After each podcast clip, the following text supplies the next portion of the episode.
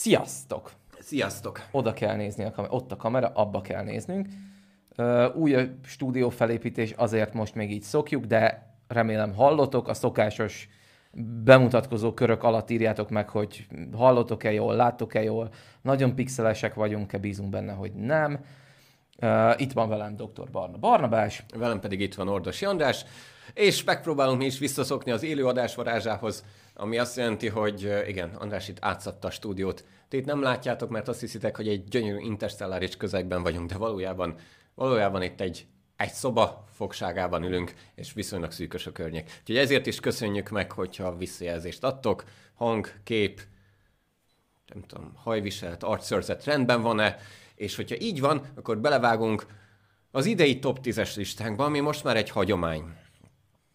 Annyi Hány éves hagyomány? Attól függ, kit kérdezel. Engem Téged. kérdezel, nekem ez a hatodik, a Csillagvizsgáló blog indítása után annak a az első teljes éve végén írtam össze először tíz olyan csillagászat és űrkutatási sztorit, ami, ami abban az évben, 17-ben kimondottan jelentősnek számított.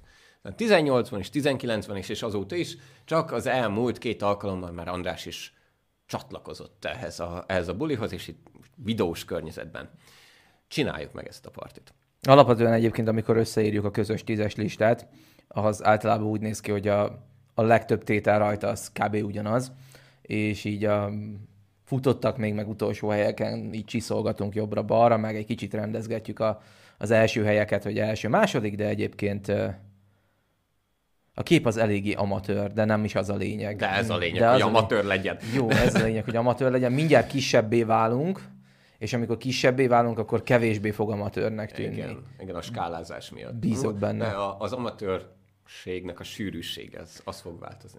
A lényeg a lényeg, hogy köszönjük a visszajelzést, és szerintem ne is húzzuk tovább. Így is jó hosszú szokott lenni mindig ez a beszélgetés, és, és a beszélgetést azt azért is szeretném sokszorosan aláhúzni, így virtuálisan, mert hogy ugye itt van 10 plusz 3 elem a listánkban, de közben is már számítunk a kérdéseitekre, Szerintem egyszer-kétszer veszünk is egy-egy nagy levegőt, meg egy bögre kávét, és megdiskuráljuk azokat a kérdéseket, amiket feltettetek nekünk, és utána pedig, miután szerintem egyszer eljátszuk azt, hogy elköszönünk, de csak azért, hogy Andrásnak könnyebb legyen megvágni ezt a videót, és utána... Nem, akkor köszönünk el, amikor befejezzük. Akkor? Jó, oké. Akkor mindegy esetre... Új mi, technika. Mikor a lista végére írunk, akkor pedig egy tök jó, kötetlen beszélgetés szokta kezdetét venni, és ez reméljük ezúttal is így lesz. Már Ma velünk maradtok sokáig. Így van. Már most elkezdhettek gondolkozni azon, hogy nektek mi volt 2022 kedvenc csillagászati sztoria.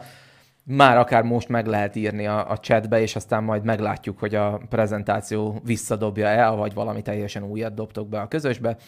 Uh, Valamit kihagytam még? E, talán csak annyit, hogy szerintem bele is vághatunk, mert így sokat, Vágjunk bele. Mindig sokat csépeljük ezt a szót. É. Szóval a tíz csillagászat és űrkutatási sztori, de mivel mindig küzdködünk azzal, hogy hol marad ebből a személyes aspektus, meg hogy mik voltak azok a amatőr csillagászati vagy bemutató események, programok, amelyek tényleg nagy figyelmet kaptak itt Magyarországon, ezeket most ilyen kis, kis rövid egypercesekbe szoktuk, szedtük össze, és rögtön egy ilyennek fogunk kezdeni, ami szívünknek, lelkünknek kimondottan kedves. Így van, mert hogy a Szegedi Csillagvizsgáló lett idén július 6-án 30 éves, és ezt mi egy kis mini házi konferencia és egyben előadás, sorozat, és, és minden és after party És after partival ünnepeltük meg július másodikán, és, és hát tényleg 30 év, tető leszakadás évelején, süllyedés jobbra-balra,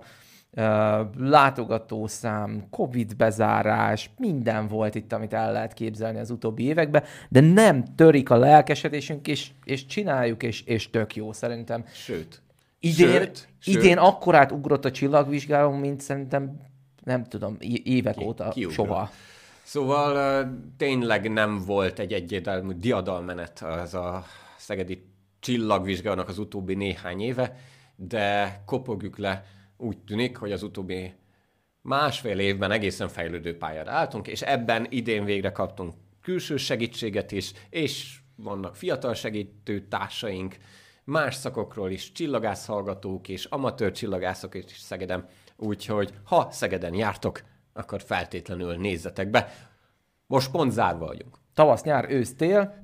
Tavasz, nyár, ősz, akkor pénteken, télen pedig tessék figyelni a Facebook oldalt, mert ott jelennek meg a random események, mert hogy azért télen se áll meg az élet, és akkor is szoktunk egy-két programot csinálni, csak nem annyira rendszeresen, hanem sokkal inkább tömbösítve egy-egy uh-huh. nagyobb alkalomkor valami fajta eseményhez kötve. Így lesznek az egypercesekből öt percesek. Igen. De szerintem ez... ez megérdemli, ilyen, abszolút megérdemli. Ez egy ilyen kis, kis bevezetésnek szántuk, hogy lássátok, hogy idén minek örültünk. És hát ezen a 30 éves kis minikonferencián elhívtuk a, az utóbbi 30 évnek azokat a mostanra már nagy neveit, vagy akik formálták a Szegedi Csillagászati Közösséget. Adtak egy nagyon jó tippet, én most oda megyek a kamerához, és Tedd megpróbálom azt. följebb állítani, hogy deréktől fölfele, mert úgy profibnak látszik. Igen. Köszönöm, József. Egyébként, ha hiszed, hanem ez, ez, az, ez a tipp, ez elhangzott egyébként, hogy kicsit állítsunk a kamerán, ez elhangzott itt fél órával műsorkezdés előtt. Nem volt egyetértés közöttünk. Nem, egyáltalán nem. De hát ebből szép az, az élőadás. Nem, nem annyira kis kezes bár... Na, így, így, így, így. Egy szerintem vállalhatóak leszünk, igen. Állí, állítsuk meg. Uh, ja. Szóval igen, um, volt előadás Kislászlótól, volt Hegedűs Tibortól, volt Szabó Gyulától, hát gyakorlatilag a, a magyar kutató csillagdákat Szegedről szalajtott csillagászok uralják. Már csak ezért is volt jó összeszedni a régi csapatot, és aztán ezt az egészet megfelelni egy csillagvizsgálós kis banzájjal. Kicsit. Alsóangon öt év múlva újra. Tulajdonképpen egyébként akkor, akkor avattuk föl a Szegedi Csillagvizsgáló 50-esét? Kb. Nem, mert hogy korábban már, korább, már volt már egy esemény, volt. de az is majd szerepelni fog. Viszont egyelőre szerintem ennyit a kis személyes Így van. amatőrcságászat aspektusainkról, és vágjunk bele Jöjjenek a világra szóló. A világra szóló eseményekről. Az első, mármint ugye a tizedik, az ez a nagyon szép vörösen pulzáló, de nem pulzáló jószág. Ugye ez egy, ez egy gamma kitörés volt, méghozzá a Boat néven, Boat becenevet szokták ráaggatni az angol száz környezetben. Ez a brightest of all time. Igen, és ez, ez egy olyan gamma kitörés, ami itt a Földről nézve volt minden idők legfényesebb detektált kitörése. Hát ez mind... egyrészt azért is volt, mert ugye egy elég közeliről van szó. Igen, relatíve. tehát mindössze 2,4 milliárd fényévről, ami ebben a ligában gyakorlatilag a kozmikus szomszédságunk és, és keresem a szavakat, hogy, hogy hol is lehetne ezt megfogni úgy, hogy szemléletessé tegyük a, a, a gamma kitörés erősségét. Először is ez egy úgynevezett hosszú gamma kitörés volt, tehát kitörés után is még órákkal később is lehetett detektálni. Például a Fermi uh, gamma űrtávcső ezt meg is tette. De az igazán csúcs azok a legenergikusabb fotonjai voltak, ezeknek a fotonoknak aztán a légköri hatásait is lehetett, tehát akár földfelszínen is lehetett detektálni. Nem szabad szemmel látjuk, nem távcsővel látjuk, hanem speciális részecske detektorok révén. És ebből lehetett visszaszámolni, hogy az agyából olyan uh, 15-20 tera elektronvoltos fotonokról van szó. A sok. Az sok. nagyon sok, az annyira sok, hogy uh, kicsit kicsit nem kikezdi a fizikai modelleket, de kicsit hozzá kell igazítani az, hogy hogyan keletkezhetnek ennyire uh, rövid hullámosszú, vagy nagy frekvenciájú, ahogy tetszik, fotonok. A Space.com-on valami olyasmit is olvastam, hogy ugye annyira energetikus volt, hogy ionizálta a légkört, és hogy a, ezt, ezt nem tudom, hogy mondtad, de most egy kicsit elvesztettem. Nem, nem, ezt nem mondtam, csak annyit szeretnék ezt hozzátenni, hogy általában tehát gamma fotonok ionizálják a légkör egy részét, ez, ez még önmagában nem, nem meglepő, amilyen Igen. mértékben ionizálta. Na, Így van. És ez most itt konkrétan a, a bizonyos rádiókommunikációt, hosszú hullámoszú rádiókommunikációt is tudta befolyásolni, zavarni. A, Igen. Annyira energetikus Két és fél milliárd fényévről, az durva. És hogy mi okozhatta ezt, ugye a, a hosszú GRB konkrét eredetéről csak sejtéseink vannak, valószínűleg a legnagyobb tömegű csillagrobbanások okozhatják, amelyek direkt fekete lyukká omlanak össze, pontosan magjuk omlik össze, és ebből frissen született relativisztikus jet az, ami ilyen energikus fotonokat, és amúgy egyébként más részecskéket is gyorsíthat extrém nagy energiákra. Hát ezen a képen nem látszódik, hogy ez mekkorát szólt. Nem, de cserébe az, hogy egyáltalán ez, ha jól sejtem, optikai utófénylés? Uh-huh. Talán. Pontosan. Igen, ja. a Gem- Gemini távcsővel készült a felvétel, úgyhogy uh, impozáns, jószág, az biztos. Nekünk ez volt a tizedik, amit, amit betettünk volna. Rendes, klasszikus asztrofizikai jelenség, pont most, ahogy elkezdtük az adást, végiggörgettük gyorsan a 2017-eset, a barna listáját, és abban konkrétan csak asztrofizikai jelenség volt. Itt most egy kicsit vegyesebb lesz majd a kép. Én le, nem is tudom, hogy ezt, ezt negatívumnak vagy pozitívumnak éljen meg. Lehet, hogy egy picit negatívumnak, de, de nem azt mondom, hogy a mi mostani tízes listánk az ne lenne tele izgi meg érdekes dolgokkal, csak nyit, mondjuk úgy, hogy nyitottunk másféle témák fele is, és ugye a csillagászat űrkutatás területén a technológia demonstráció az, az idén egy kicsit Erősebb volt a szokásosnál. Egyébként, ha már szóba hoztad a, a legelső ilyen top 10-es, és hát 2017-ben akkor a lista első helyén neutron csillag összeolvadás volt, uh-huh. amit pedig egyébként a rövid GRB-kkel hoztak összefüggésbe. Tehát a, a GRB-k azok jól láthatóan még, még nagyon sokáig jelentenek majd nekünk felütörést, mert kiszámíthatatlan, hogy mikor bukkanak fel, mert messze vannak, és mert izgalmasak. A túró okoz 18 szerre elektronvoltos fotonokat. Ami viszont emlékszem, hogy tavaly is, meg tavaly előtt is benne volt a listába. A, jól mondom, a gyors rádió kitörések. Az FRB-k, igen. Az FRB, Fast Radio Burst. Azok benne voltak. Idén benne van? Nem. Én azt hittem, hogy Barnabás minden évben bele fogja rakni, és, és idén szóba se került. Már csak azért is, mert nyilván minden évben lehet valami újat róluk találni, és minden évben tudunk egy kicsit hozzátenni.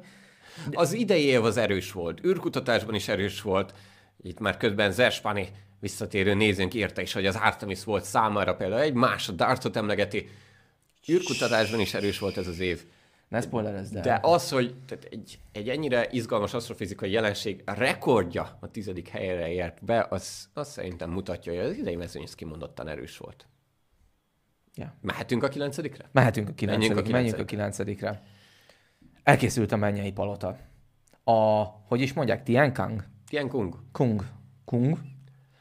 Uh, kérjük... ha, már, ha már így írtad, Ké... a, a mand, mandarinból jeles nézőinket kérném, hogy esetleg... Fonetikusan. A, igen, hogy a magyar írásmód pontosan hogyan néz ki. Nekem is úgy rémlik, hogy, hogy ez a mostani űrállomás, ezt ilyen Kung néven kell írni a magyarban.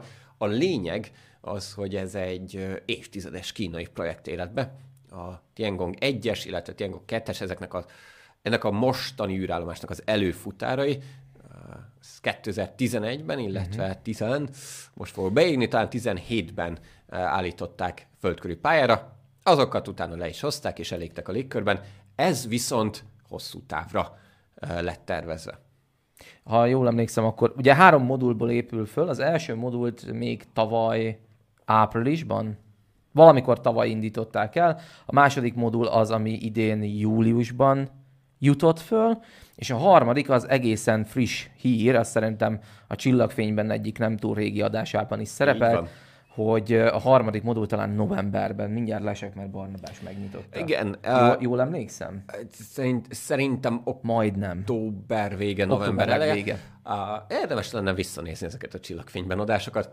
A lényeg a lényeg, hogy idén már gyakorlatilag szinte folytonosan volt három asztronauta, vagy ahogy a kínaiak hívják, tajkonauta ezen a mennyei palotán, és innentől kezdve újra két űrállomása van az emberiségnek, ahová kölcsönösen nem engedik be egymást. Az egész mennyei palota koncepció ugye onnét indult, hogy az amerikai kongresszus gyakorlatilag megtiltotta a NASA-nak, hogy kooperáljon kínai állami szervekkel, tehát a nemzetközi űrállomás az annyira nemzetközi, hogy bárki fölmehet oda, aki kellő mennyiségben uh, hozzájárul az ISS költségvetéséhez, kivéve a kínaiak. Ők pedig megcsáltak saját űrállomásokat a maguk módján. Be akartad vágni be akartam, a vágni a, be akartam vágni a mémet, de azt már egyszer elkövettük. Úgyhogy itt most csak legyen elég annyi, hogy hát nagyjából ennyit tudunk, hogy ugye látszódik a nemzetközi állomás, akár egy amatőr távcsővel, a bocsánat, mennyi palota űrállomás, egy amatőr távcsővel is megfigyelhető. Tudjuk, hogy hogy néz ki, hogy ott bent pontosan mi zajlik, arról Nézd csak o- elképzeléseink ott, vannak. Ott, ott van a fantáziára. Ott van, igen, látom. Um, ez is a kínai űrügynökség, az, az sietett leszögezni, hogy ez is egy nemzetközi kollaboráció lesz. Tehát most welcome mindenkinek, kivéve valószínűleg az amerikai elvtársaknak, de egyelőre még nem tudni pontos tudományos koncepciót, vagy kísérleteket. Egyelőre épülés szépül.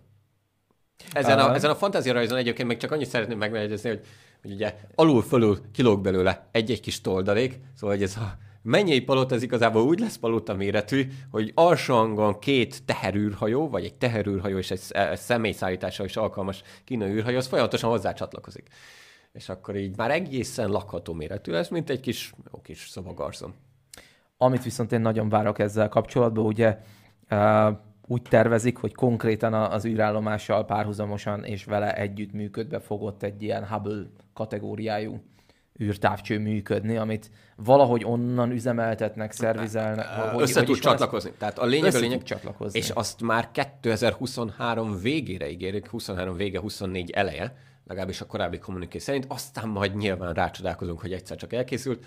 Szóval, hogy egy, igen, egy két és fél méter átmérőjű optikai teleszkóp, ami elvileg optikai tulajdonságait tekintve, ugye Hubble-lel összemérhető, és ez lesz pontosan ugyanolyan alacsony földkörű pályán, mint a Tienkung.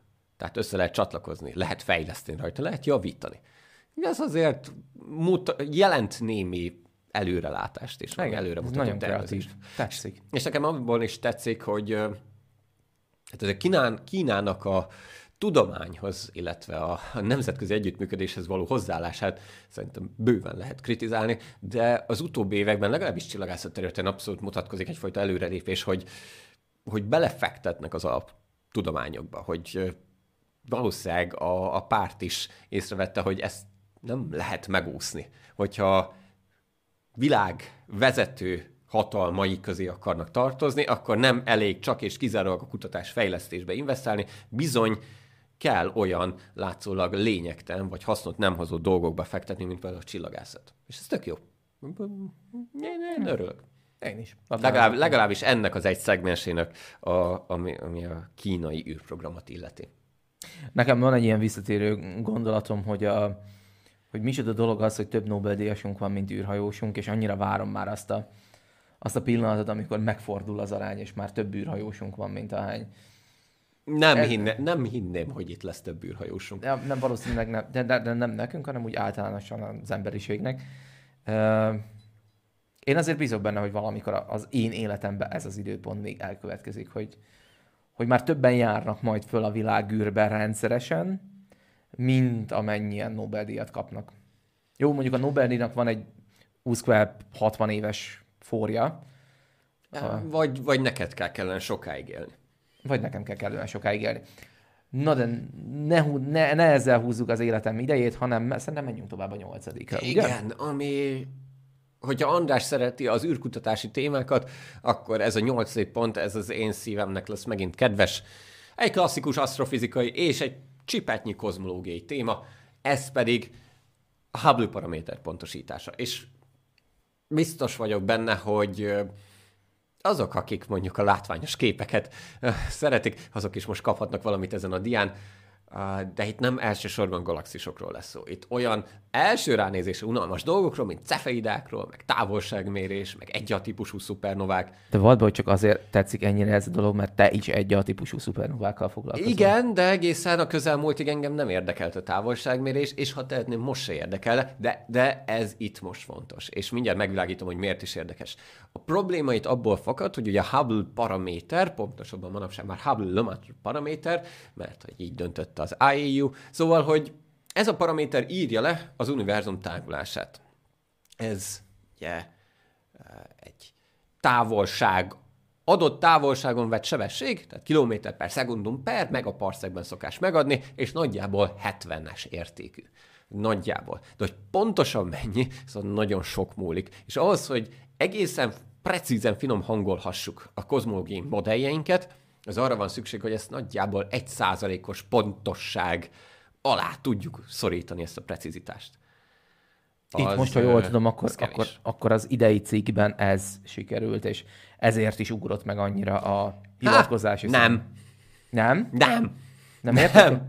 nem, ez az egész a Hubble Tension, vagyis Hubble feszültség néven folytatódó rémtörténet, az, az pont ezt hivatott leírni, hogy akár mennyire is erőlködünk, és bizonyos távolságmérési metódusokban kicsiket előrelépünk, nem sikerül összeegyeztetni a különböző módszereket. Az egy dolog, de ugye ez a cikk ez kifejezetten az egyiknek meg a másiknak is megmér. Én a belső pontosságra. A, a belső, igen, az úgynevezett interesting scattering, igen, az alacsony volt, de, és itt van a probléma.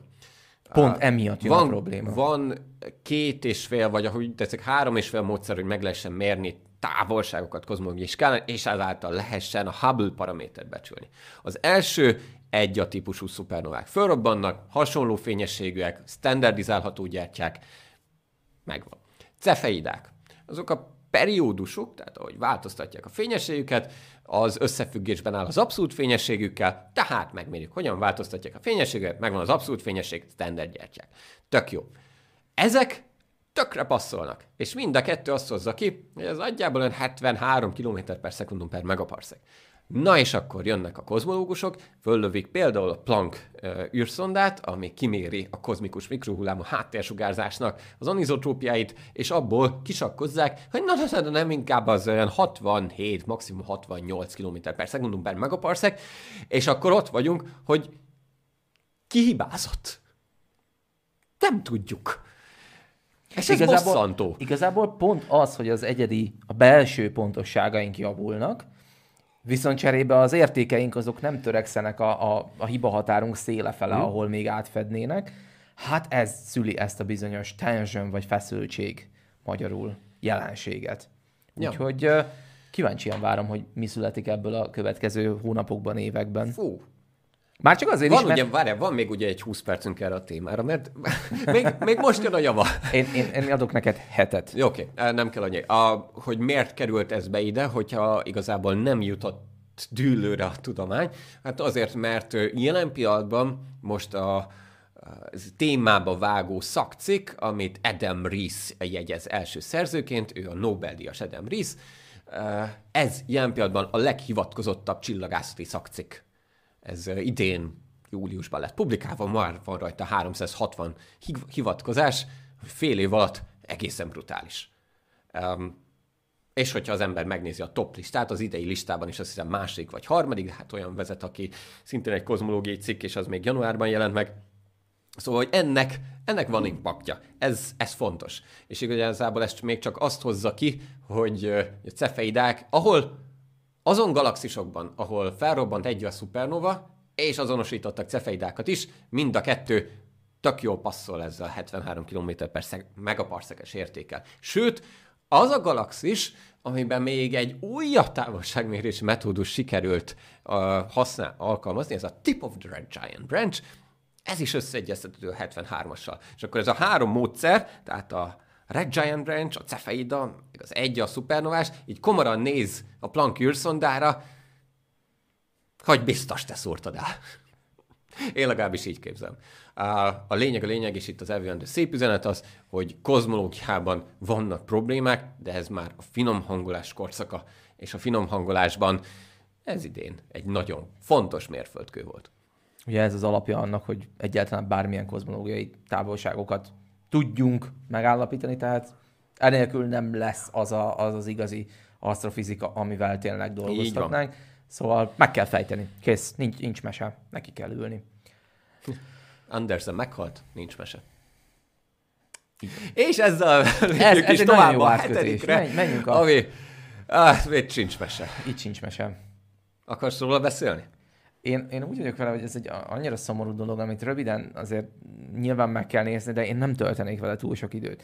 Igen, ez zajlik a szomszédban per pillanat is, és sajnos nagyon sok negatív hatása van, és bőven a tudományon túlmutató negatív hatása is van, de sajnos pont a tudományra is hatása van. Itt csak egyet-kettőt soroltunk föl a, a gondolatokból, de, de igazából bármilyen orosz és egyéb együttműködésnek kvázi gátat vetnek. Igen, és a, a... legnagyobb visszhangot az nyilván az ISS-ből való közeljövőbeli kiszállást kapott, ami úgy száll ki, hogy Irgun-Burgun rontom-bontom, de 2024-ig nemzetközi szerződés köti Oroszországot, és az úgy tűnik, hogy ezt, ezt tiszteletben tartják, tehát nem rögtön létszelnek le.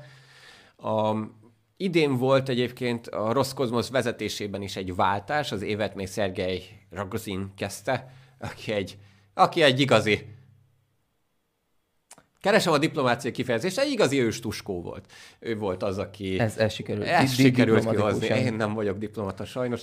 Um, Szóval, hogy Szergej Rogozin volt az, aki, aki szeretett azzal ijeszgetni, hogy ha Oroszország kiszáll, akkor így fog lezuhadni a nemzetközi űrállomás. Nem, nem, ez nem teljesen így működik. Szergej Rogozin volt az is, aki aki nagyjából fél évente bejelentett valami korszakalkotó orosz projektet, hol egy Kínával közös holdbázist, hol egy Mars missziót, hol valami egészen futurisztikust, és ebből soha nem lett semmi. De ja, a nemzetközi űrállomás meg elketyeg egy darabig. Aztán pedig már valószínűleg készen fog állni a Lunar Gateway. Aztán az volt a másik veszteség, ugye a Rosalind Franklin uh, rover, amit a, az ExoMars-nak hívják a, a, a teljes projekten. Uh-huh. Igen, az Európai űrügynökségnek a már amúgy is húzódó rover missziója. Abból szálltak ki az oroszok, és ezzel így az egész küldetés. Pontosabban hát ott, a... ott az, ez a visszakozott, hogy orosz rakétával indították volna egyebek mellett, és, és szignifikáns orosz kontribúció volt, de mivel megszakították a tudományos együttműködést, nem lehetett néhány hónap alatt új rakétát eh, keríteni, és teljesen újra szabni a, a missziót. Többször elhangzott ugye a Csillagfény című műsorunkban az, hogy idén senki nem, hiába Mars közelség, idén senki nem indított semmit a Mars fele. Hát itt az egyik ok, hogy Igen. például miért nem. Nem csak ez volt nyilván, de, de ez például szerintem éppen egy elég súlyos. És, és ez még mindig csak két dolog, de erre számtalan kisebb, nagyobb olyan együttműködés volt, főleg ez a és rossz kozmosz szinten, ami nekem így ismerős-ismerőse kapcsán így egy, egy érdekes volt belegondolni, az az Erozita nevű űrszondának a felmérés, ez egy röntgen űrtávcső, és a küldetésének a felét végrehajtotta, de még lett volna jó néhány év a, a megfigyeléseiből. Ezt uh, elsősorban a német nem űrügynökségnek hívják, hanem valami kacifántos német neve van, szóval, hogy a, német kutatóintézet és a Roszkozmosz közösen működtette, de olyan meg kellett szakítani a tudományos együttműködést, ezt félúton lefújták, és bár a Rozit az tovább is, továbbra is működőképes, február vége óta egyetlen egy mérés sem hajtott végre. Na ezért igazán kár, ha valamiért. Így van. Egyébként a, a számos más... Az ártatlan áldozatok, ja a számos más ártatlan áldozatokat például az űrvilág.hu című hírportálon lehet mm, Igen, ott volt egy nagyon jó gyűjtés. Ott egy nagyon jó gyűjtés volt még, még március-április magasságában közvetlenül a háború kitörése után, de azóta is vannak különböző ilyen összefoglaló cikkek arról, hogy per pillanat például például a kínaiaknak az ügyködései is, hogy, hogy ott mi történik, hogy, hogy milyen különböző orosz egyéb együttműködések szakadtak meg napról napra érkeznek a jobbnál jobb hírek, uh-huh. úgyhogy ha valaki ilyen nagyon belső betekintést szeretne látni erről, akkor az űrvilág.hu-t nagyon tudjuk ajánlani. Én már nagyjából fél évvel készülök arra, hogy egyszer egy nagyon hosszú blogbejegyzésben, vagy egy műsor kapcsán, vagy össze kéne szedni azt, hogy élnek ilyen legendák a, a kínai űrmissziókról, hogy az mennyire fejlett, meg miket uh-huh. terveznek, és stb. De amit ténylegesen tudunk, vagy amit ténylegesen letettek az asztalra, az, az milyen képet fest a kínai űrügynökségről, ez egy paromira izgalmas téma lenne. Ha majd egyszer szabad időm lesz jövőre. Uh-huh. Nem tudom, én ezért tudok, hogy ugye csak a mennyei palota, meg a, a marsra leszállás, az, az szerintem az elmúlt rövid időszakban két elég nagy pozitív. Igen. Nyilván, hogy mennyit ígérnek, vagy mennyit Igen. nem, az Igen, de kérdés. ebben a versenyben nem nehéz felérni az ezüstérmes pozíciójára. Itt igazából az a kérdés, hogy mekkora a lemaradás. Meg. Nem, oké, okay, majd rajta lesz. 23-ban, hogyha lesz időm. Jó, viszont amikor szintén úgy éreztük, hogy nincsen időnk, de mégiscsak muszáj volt akciózni, most egy kis, megint csak egy Jöjjön kis, egy, kis egy perces. Színes egy, hát nem egy perces. Nem lesz, egy perces ez, lesz? Ez, gyanítom, hogy ez, ez... Szóval megszakítjuk a, a megszakítjuk adásunkat. És újra egy észleléssel, illetve bemutatózással kapcsolatos esemény az idejétől. Ugye bolygó sorakozó volt júniusban, és ezt körülbelül nem lehetett kikerülni. És ezt, ha jól emlékszem, az adás elején is. Az adás e- elején sem általott a társműsorvezető megemlíteni, hogy, hogy itt lehet-e megnézni a bolygósorakozót. Igen, most itt lehet megnézni a bolygósorakozót, és a, igen, hát egészen impozáns. Ugye a júniusi, június második felében a hajnali órákban lehetett mind az öt szabadszemes bolygót látni a szabad szemünkkel, aki elég szerencsés volt derült időhöz, és föl tudott kelni kellően korán illetve aki távcsövet is ragadott magával, az a további három szabad szemmel nem látható bolygót is levadázhatta. Három? Milyen három? Uh, hát ugye a, a Földet három, beleszámoltatok. A Földet, nem, nem, nem, nem, a Plutót számoltam bele, ami ugye már nem bolygó, hanem törpű bolygó, de ugye azt is lehetett látni. Meg a Holdat. Meg a Holdat. Meg egyébként meg elvileg, a Vesztát, elvileg meg a, Vesztát is. Tehát, hogy tényleg brutális kínálat volt az, azokban a napokban, abban a bő két hétben, és amihez kapott egy ilyen plusz sungot vagy busztot a médiában, az az volt, hogy a Svábhegyi csillagvizsgáló kiadott egy, egy nem, nem sajtónyilatkozat. Ez egy blog, blogbejegyzés volt. Egy blogbejegyzés volt, de ez eljutott a médiához, média tette a dolgát, mert hogy a felütés az az volt, hogy ilyen bolygósorakozót, vagyis hogy egyszerre van fönn az horizont fölött mindegyik jelentős naprendszerbeli égítést, és, és a szabad szemmel láthatóak, azok ráadásul sorrendben, Pont sorban vannak. távolságok vannak, de ez, ez ilyet élő ember még nem látott, és akkor ki lehetett ezt silabizálni, hogy 940, időszámításunk szerint 947-ben volt ilyen, hogy ez a két dolog ez egyszerre teljesült, és legközelebb valamikor a 25. század vége felé lesz ilyen. Tudod, mire emlékeztet engem? Ez még a a 2005-ös nagy mars közelségre, az volt talán még ilyen végtelen túlkapás a telihold méretű ne, nem, mars. nem, nem az... vetném össze, mert az, az egy hoax volt. Az, az egy hoax volt, igaz. Az egy, ez egy tényleges jelenség. hazugság, ez pedig mm. a clickbait keskeny határmesdjén egyensúlyozó figyelemfelhívó blogbehedzés. És uh, félreértés ne hát elérte a célját. Tehát uh, um, marketing guruk, hogyha, hogyha vizsgálnák a csillagászati ismeretterjesztésnek a bugyrait, valószínűleg itt elégetetten csettintenének, hogy így kell ezt csinálni.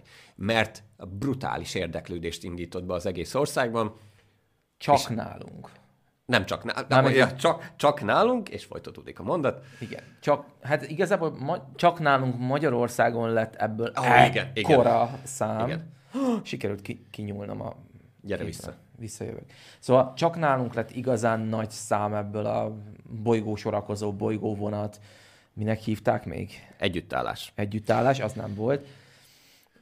De, de attól függetlenül, például itt nálunk Szegeden, mi nagyjából egy 4-500 embert tudtunk tápcsöves élménnyel kiszolgálni június 19-én hajnalban, és volt 200 ember, akit sajnos nem, mert elkezdett világosodni. Tehát, hogy ez benne volt. Nem gondoltuk. A Barnabás volt az, aki a legnagyobb számot tippelte arra a hajnalig. Mert, mert Barnabás egész héten kapkodta a telefonokat. Így van, és még ő is csak 220-30 ja, embert satszol. Tippeltem előzetesen. És egyszerűen hiába voltunk kint tizennéhányan a Szegedi csillagvizsgálóban, kilenc távcsővel fölvértezve, köztük a Vadi újonnan bajáról kapott 50 centissel, Egyszerűen nem volt elég a távcső, hogy mindenkinek mindent megmutassunk. Hajnali háromkor. Hajnali háromkor. Tehát hogy ez nem egy esti program volt, ez egy hajnali program. És, és én egyébként emlékszem, hogy akkor tehát először én is szkeptikus voltam, hogy túrót fogunk hajnalban távcsős bemutatott tartani, senki se fog akkor fölkelni, ne szívassuk magunkat. És nagyon sokan voltak még így az országban, hogyha esetleg bemutatózó emberek itt a komment folyamatban írják meg, hogy hogyan emlékeznek azokra a hetekre. Először szerintem a többség szkeptikus volt, hogy nem olyan nagy dolog ez, meg nem fog sokakat érdekelni. Aztán nagyon sok helyen tartottak bemutatót, és mindenütt sikerest. Mert jó volt az idő, mert jöttek az emberek, és, és hé, ennyi kell. Igazából innentől kezdve majdnem mindegy, hogy mi az apropó. Szóval így utólag is tök, tök nagy respekt a, a Svábhegyi blog csapatának, mert, mert így kell mániát csinálni. Még akkor is, hogyha nem ez volt a cél. Igen, szóljanak legközelebb Így van. Egyébként... Ez Olyan, olyan PTSD-t. Én, én még csillagászok arcon nem láttam, hogy így Kelemen Tamás cimborákat így kikapartok a kupolából, mert ő három és fél órán keresztül oda volt szorítva az 50-es távcsőhöz. Na akkor avattuk az 50-es távcsőt a Szegedi csillagvizsgába, és így kikapartok, és így három és fél órá keresztül megállás nélkül tolt az ipart, és gyakorlatilag mindenki más a csapatból. Ja, szép volt, jó volt, és évente egyszer ennyi elég is. Szerintem lehet, hogy még sok is. Igen. Egyébként még egy aprócska adalék, hogy, hogy iszonyatosan megosztja ez a csillagászokat, hogy, hogy erre szükség van-e, hogy Igen. ez jó dolog-e. Igen. Van, aki iszonyatosan kiakad rá, hogy micsoda dolog egy ilyet fölfújni, és van olyan, aki, aki imádja, hogy végre elkezdenek ránk figyelni. Én inkább az utóbbi fele hajlok, de azért úgy érzem, hogy, hogy, hogy ez lehet, hogy már egy kicsit túltolás volt. De miért? Mármint, tehát, hogyha elolvasod nem a blogbejegyzés, a blogbejegyzés világ, Világos Branka írta azt a cikket. A blogbejegyzés több... Teljesen az, korrekt volt. Nem csak korrekt, az egy jó blogbejegyzés volt. van. Aztán, amikor a média ebből csak annyit emelt ki, hogy most már rákesek. 947-től 2492, tehát hogy ekkor voltak hasonló együttállás, együttállások, az, bocs, az, az a média felelőssége. Ez így van. És, és nyilván ezt lehet korrigálni, meg lehet tompítani. A cél, embereket kivonzunk a távcsövek mellé, az sikerült. És, és ez az év egyik, egyik nagy attrakciója volt, szóval tök jó. Na, visz, na vissza me, a tudományos életbe. Vissza a tudományos életbe. Nos, hát akkor itt úgy látom, hogy rögtön örömet okozunk az egyik... Kész László telibe trafálta, bár ő szerintem a, a dobogóra szánta.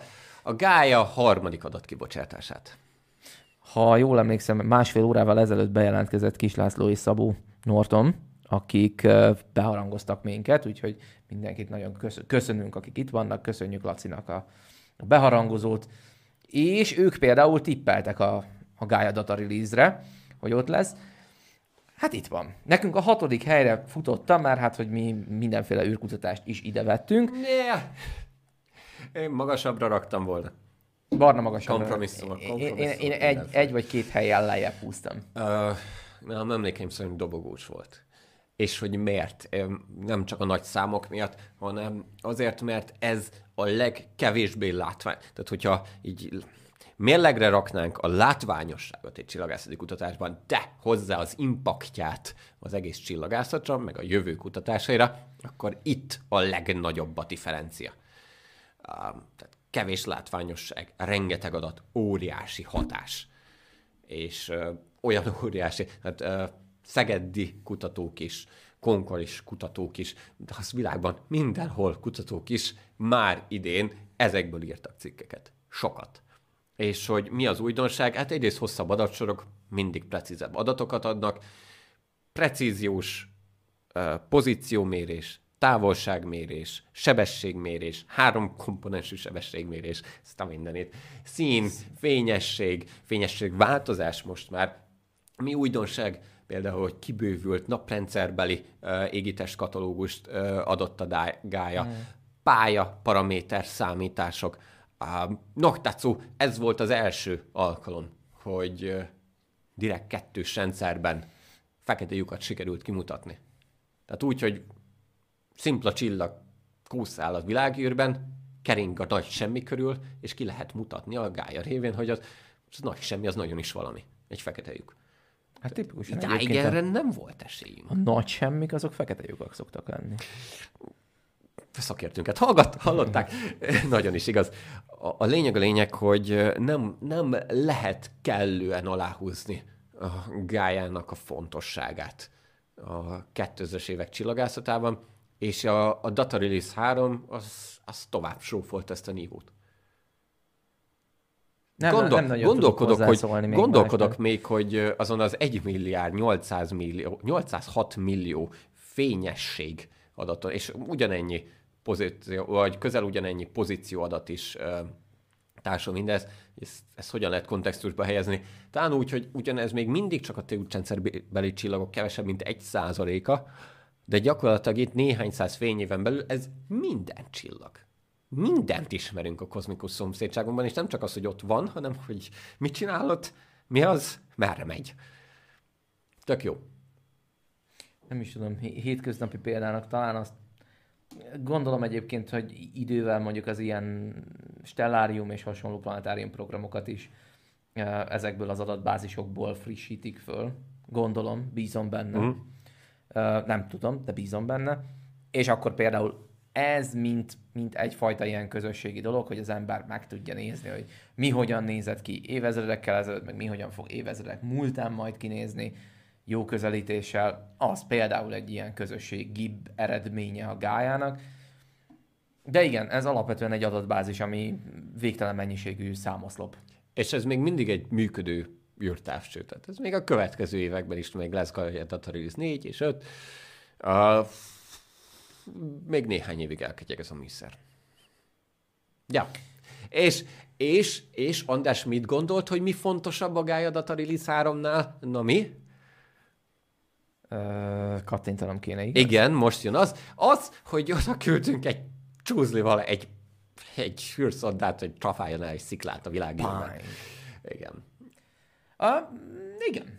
A bennem élő asztrofizikus most egy kicsit felsóhajt, hogy sok évnyi precíziós munka és óriási adathalmaz és cikkek tömkelege, de hogyha valamit jól eltrafálunk, és megadjuk annak a kis bolygónak, akkor, akkor az, az látványosabb. És egyébként tényleg, ez látványosabb. Ez látványosabb. Én, én legink, de nem is csak azért választottam egy picivel előrébb, mert, mert látványosabb, hanem nem, ezt a szót nem fogom kimondani. De az emberiség számára közelebb van a felhasználhatóság, mint a, a gájánál. Tehát, hogy ténylegesen a csillagászat nagyságrendeket ugrik az adatbázis miatt, ami most már a rendelkezésünkre áll, de ugyanakkor van most már egy eszközünk, és tudjuk tesztelni, meg ki tudjuk próbálni azt, hogy ha ne adj Isten valami ezt a munkát félbe akarná szakítani, ne adj Isten egy égi kavics, ami kellően nagy, hát akkor van ötletünk rá, meg van elképzelésünk, hogy hogyan is csináljuk. Eddig is volt, de most már tudjuk, hogy működik. Um, Többé-kevésbé. Írjátok meg egyébként, hogy kérlek, hogy ti, ti mit gondoltak ennek a jelentőségéről, mert elmondom, hogy mit zavar engem ett a, a dartba. Egyrészt tök jó, és hasznos, és kell.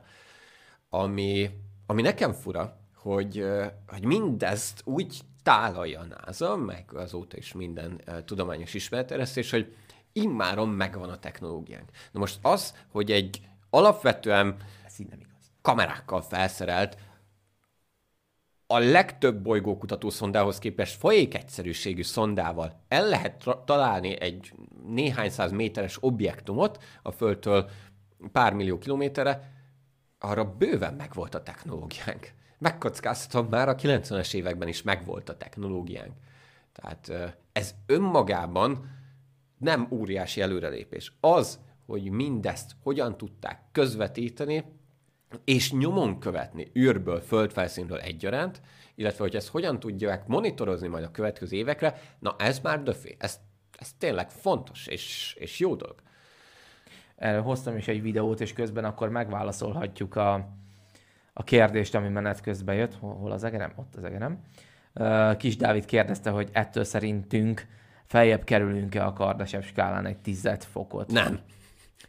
Az az érzésem, hogy nem. Nem, ettől nem leszünk fejlettebbek. Ettől csak... Na, né- nézzük meg, hogy hogy is nézett ki ez így a... Na, ott... Ott, tehát egy... Ott van a célpont szikla. Közeledünk. Igen, a, a Dimorphos. Ez ugye egy kettős rendszerben van, a nagyobbik, mindig keverem, a nagyobbik a Didymos, és a en körül keringő kvázi kisbolygó hold, az pedig a Dimorphos.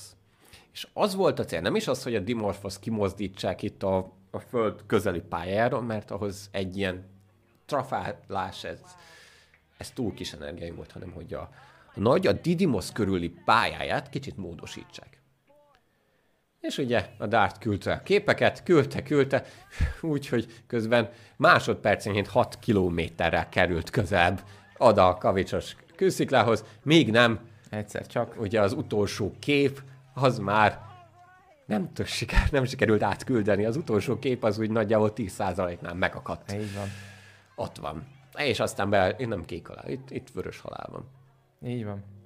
Szóval... Nézzük meg még egyszer. Nézzük meg még egyszer. Csak addig, addig én mondok néhány unalmas, unalmas égi mechanikai dolgot. Szóval ezek keringenek egymás körül, és az egyszerűség kedvéért képzeljük el, hogy ugye a kisebbik a Dimorphos kering, a nagyobbik a Didymos körül, és a kettő együtt megy a, a, itt a föld közelében el. Most a cél az volt, hogy így szemből a Dimorphosba belemegy a Dart, az le fogja lassítani. Ez sikerült. Nagyjából olyan néhány centiméter per szekundummal lassította, és ez azt okozta, egy úgynevezett égi mechanikai paradoxon kíséretében, hogy alacsonyabb pályára lökte a Didymos körül a Dimorphoszt, tehát közelebb került hozzá, ezáltal uh, sokkal gyorsabban tesz meg a Dimorphos körül egy kört, uh, bocsánat, a Didymos körül egy kört, és ez lett volna a cél, hogy nagyjából bő egy perccel rövidítsék le a Dimorphosnak a keringési pályát a, a, a Didymos körül. Na most ez egy perc helyett 32 perc lett, ami brutális különbség, ami azt jelenti, hogy jól, jól megmutattuk neki, tudja, hogy hol a helye. Így van. Viszont cserébe a precíziós égitest eltérítéstől azért még jócskán messze. Igen, ez, ez inkább csak az, hogy egy viszonylag porózus, darabos aszteroidát, hogyha jól telébe trafálunk, mire kell számítani a közeljövőben. Ez az, ami egyáltalán nem triviális. Ne, és uh, itt közben kaptunk is egy kérdést, hogy nem lesz ebből baj, hogy a keleténél jobban sikerült meg, uh, meglökni a kisbolyót? Nem. Tehát itt, amiben drasztikus változás, drasztikus, hát ott is a, a bő 12 órás keringésből lett 32 perccel rövidebb keringés. És ez ott a belső rendszerben okozott drasztikus különbséget a, a Didymos és a Dimorphos közös rendszerének napkörül keringésében minimálisat.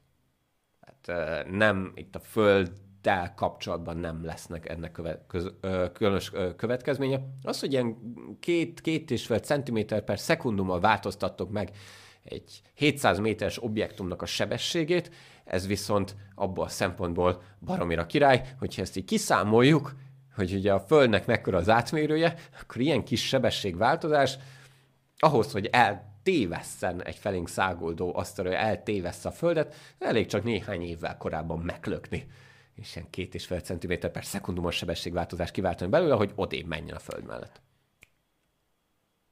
Ezen a ponton még egy dolgot nem lesz benne a tízes listában, sajnos. Én nem is értem, hogy hogy maradt ki. De ide, ide vág. Van, vannak fontosabb dolgok. Ide vág, úgyhogy kénytelen vagyok ide betenni így, így gondolatban a félzsiráfot, mert az is idén volt. Ó, igen, januárban még. Sárnecki Krisztiánnak a felfedezése. Így van, az ötödik olyan kisbolygó, amit az előtt fedeztünk föl, hogy becsapódott volna a Földbe. Azóta volt egy hatodik is egyébként, erről a, megint csak a csillagfényben számot is adtunk. Az Kanada ö, légterében lépett be a Föld légkörébe, ha jól emlékszem. De ne, nekünk ez nem annyira fontos, nekünk az ötödik az, ami, nemzeti érzelmünknek egy kicsit melegséget adhat, mert bizony Sárneszki Krisztián piszkés tetői 90 eh, centi tükrű, 60 centis belépő nyílású Schmidt távcsővel sikerült megtalálnia. Egyébként egy nagyon jó leíró cikk is született a csillagászat.hu-n az egésznek a menetéről, hogy hogy kell ezt elképzelni, hogy a csillagászat.hu-n körülbelül március közepén turkával cikkek között ott első kézből a felfedező tollából született meg a cikk arról, hogy ezt hogy is kell elképzelni, és hogy ez mekkora felfedezés is. Ja. Hát Krisztián idén különösen jó évet futott. Majd erről majd beszélünk akkor, amikor a kimaradt uh, kimaradt felfedezés. Tehát erről a listáról lemaradó felfedezések, amik felmerültek még Így van. a közös beszélgetésünkben, ezt is fogjuk szemlézni, de közelítsünk egy lépést még a dobogó felé. Negyedik helyen valami, ami nem is biztos, hogy rá kéne kerülni a Amit listára, de... én, én kicsit erőltettem, ezt kaptam a gájáért cserébe. Egy nagyon friss sajtóközlemény, ami szerintem kellően nagy visszhangot kapott különböző, akár magyar hírportálokon is, és hogy ezt egy kicsit kontextusba helyezzük, ezért is erőlködtem azon, hogy a fúziós energia új mérföldkövét is bemeljük a top 10-es listába. Ami itt történt, az konkrétan az, hogy végre sikerült egy olyan végre sikerült létrehozni egy olyan folyamatot, amiben a, a betáplált energia, a közvetlenül oda a, a kis üzemanyag cellába betáplált energia, az kevesebb volt, mint amely az üzemanyag cellából kinyertek. Ugye ez egy ilyen deutérium-trícium uh-huh. kombós jószág, ami amiben elindul ez a bizonyos fúzió, és amiből az energiát termelik. Maga a beindításhoz viszont egy ilyen épületméretű lézert használtak, tehát hogy konkrétan maga a, az energia, amit felhasználunk, az még mindig több, csak ugye itt most már nem azon megy a verseny, hogy a fúzió nak a minőségén és hatásfokán javítsunk, hanem egyszerűen csak a lézer, a beindító lézernek a hatásfokán kell javítani. Igen. Azon mondjuk még... azért még elég sokat, de, de kell. Mármint, hogy lehet. Vagyis, és... hogy ez az úgynevezett break-even-nek is becézett mérföldkő, az nem azért fontos, mert akkor innentől kezdve már csak egy-két évtized a közösségi szolgálatba állított, vagy uh, civil felhasználású fúziós reaktor, hanem az azért, mert hogy egy lélektani határt sikerült átlépni. És ez mutatja, hogy fejlődik a technológia. Még mindig kísérleti, de már elérjük azt, hogy legalább ott az üzemanyag kapszulánál több energiát nyerünk ki. Biztos, hogy biztos, szerintem lépjünk még egyet hátrébb, és azért azt említsük meg, hogy hogy csillagászat az, hogy fúzió. Mert ugye a fúziónál kis elemeket pakolunk össze nagyobbaká, és ebből nyerünk energiát. De ezt mi, hát a csillagászatban tanultuk meg, hiszen a csillagok azok, amik a belsejükben ezeket a folyamatokat elvégzik, kellően nagy hőmérsékleten nyomáson, és igazából az igazán nagy mérnöki kihívás az az, hogy azokat a nagy nyomásokat, hőmérsékleteket, amik egy csillag belsejébe uralkodnak, azokat a fizikai körülményeket, azokat mi itt a Földön piciben reprodukáljuk. És ez az, ami nagyon nem kézenfekvő és triviális, de dolgozunk rajta, ugye itt um, Európában, Franciaországban az ITER nevű kísérleti uh-huh. erőműben, ahol pedig ez a, ez a bizonyos um, fúziós siker megszületett, ez pedig nem más, mint a Lawrence Livermore, vagy fordítva? Lawrence Livermore. Lawrence Livermore Nemzeti Laboratórium uh, Amerikában. Igen, ez a két legrégebb, utó, legrégebb óta futó fúziós kísérleti reaktor vannak még próbálkozások, ez nyilván, mivel ez egy lassú fejlesztési folyamat, és alapvetően ez egy, itt elsősorban mérnöki kihívásoknak kell megfelelni, ezért ez még évtizedes távlatban kell fejleszteni. Ugye, amit András mondott, hogy a teljes rendszer az még nagyjából két nagyságrenddel több energiát emészt föl, mint amennyit a végén kiszednek belőle. Ez azért mutatja, hogy baromira visszahagyunk még attól, hogy tiszta energiát kapjunk. De Igen. megéri fejleszteni, mert látszik a, az előrelépési trend. A fény az alagút végén, mint itt a képen? Az, hogy közeledünk a fényhez. Tehát már nem csak az, hogy a fény az alagút végén, az az, hogy a fúzió az működik a csillagokban. Elvileg megvalósítható Igen. laboratóriumban. Az, hogy ez a fény ez egyre közeledik hozzánk, ezt jelenti a break-even, és ebben rejlik ennek a közelmúltbeli sajtóközleménynek vagy sajtóbejelentésnek a, a fontossága. És akkor közeledünk a dobogó felé, de előtte... Szerintem még mielőtt dobogó még előtti egy. valamit megnézzük, szerintem azelőtt gyorsan fussunk végig a kérdéseken, mert itt egész sok mindent érintettünk. Mit hagytunk Feltétlen. ki? Nem lesz ebből baj, ott rögtön van a végén egy, ami az inklináció és az adott objektum sebessége között van-e, és ha van, milyen összefüggés van. Egy szerintem Szabolcs, ha tippelnem kéne itt arra gondolt, hogy a, hogyha a Didymos Divorfos tekintetében, akkor, akkor nem. Az inklináció az ugye egy, egy dőlés szöget jelent és attól függ, hogy milyen rendszer tekintetében definiáljuk az inklinációt. Ha exobolygók esetében, akkor ez gyakorlatilag az, hogy milyen szögben látunk rá arra az exobolygó rendszerre, és akkor igen, a általunk megfigyelhető úgynevezett radiális sebesség, és tőlünk mért sebesség, igen, az, az függ az inklinációtól. Um, de általánosságban az inklináció az nem úgy egy fizikai paraméter, ami mondjuk az égitestek mozgását befolyásolja. Ez geometria Igen. leginkább. Uh, annyira vártam, és, és igazából elharaptam a nyelvemet, hogy a, az alagút végéről jövő vonatot bedobjam, de... De megtette helyettünk széktoló. Köszönjük szépen. Igen. Így egy, egy, egyel kevesebb szóviccet kell elsütnöm. Így van. Ez is a mai nap apró sikerélménye. Továbbra is áll, hogyha kérdésetek van, akkor feltétlenül írjátok meg, mert legkésőbb itt a tízes lista végén itt alaposan végigmegyünk az összes kérdésen. Van. Még egy kérdés volt, ami még a csillagvizsgálóhoz tartozott, hogy a csillagdánál falak süllyedése is megállt-e? A falak igen. Helyette most a padló süllyed. Valamit valami. Igen, igen, végső ha, ha az egész épület együtt süllyedne, akkor az nem jelentene ugye komoly problémát, csak a lépcsőt kellene csinálni a bejárathoz. Ezt de, még nem sikerült megoldanunk.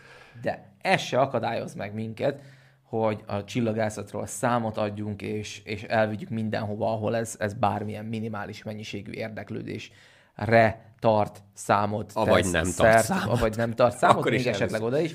És ennek hódol a következő harmadik pont előtti számunkra személyes, mégiscsak dobogós esemény. Hát ugye idén már harmadik alkalommal került megrendezésre az Egy hét a csillagok alatt programsorozat, ami most már tíznapos lett, és ez több mint 80 helyszínt jelent. Összeszámoltam a térképen a, a távcsöveket, és 81-nél álltam meg, valószínűleg nem zoomoltam bele eléggé, és még néhányat lehagytam. Több mint 80, program számra 171 darab program volt bejelentve, ebből nem biztos, hogy mindegyik meg volt tartva, de a javarésze igen, tehát nyugodtan mondhatjuk, hogy 150-nél több.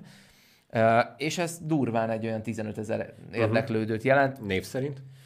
Esélyünk sincsen megbecsülni jól, hogy ez most egészen pontosan tényleg 15 ezere, vagy, vagy közelebb a 20-hoz, vagy közelebb a 10-hez, ez a nagyságrend nagyságrendileg, de de minden esetre nagyon sokat fejlődtünk ö, tavaly óta, amikor még ö, pusztán csak ilyen relatíve szívjóságból történt a dolog. Egy részt, ugye a, ez nagyban köszönhető annak, hogy a Nemzeti Kutatási Fejlesztési és Innovációs Hivatal, jól, jól oldom föl az NKFI-hát? Mecenatúra pályázatán.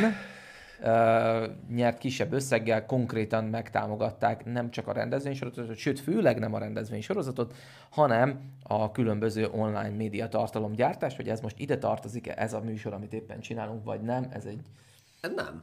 Nem, nem ide tartozik, bár most azon gondolkozom, hogy használunk-e bármilyen, hát használunk néhány terméket, úgyhogy ettől függetlenül köszönjük szépen a a mecenatúra pályázatnak a, az adott eszközöket, mert részben ennek köszönhetően jöhetett létre nem csak az eseménysorozat, de a, a stúdió is, amiben ülünk.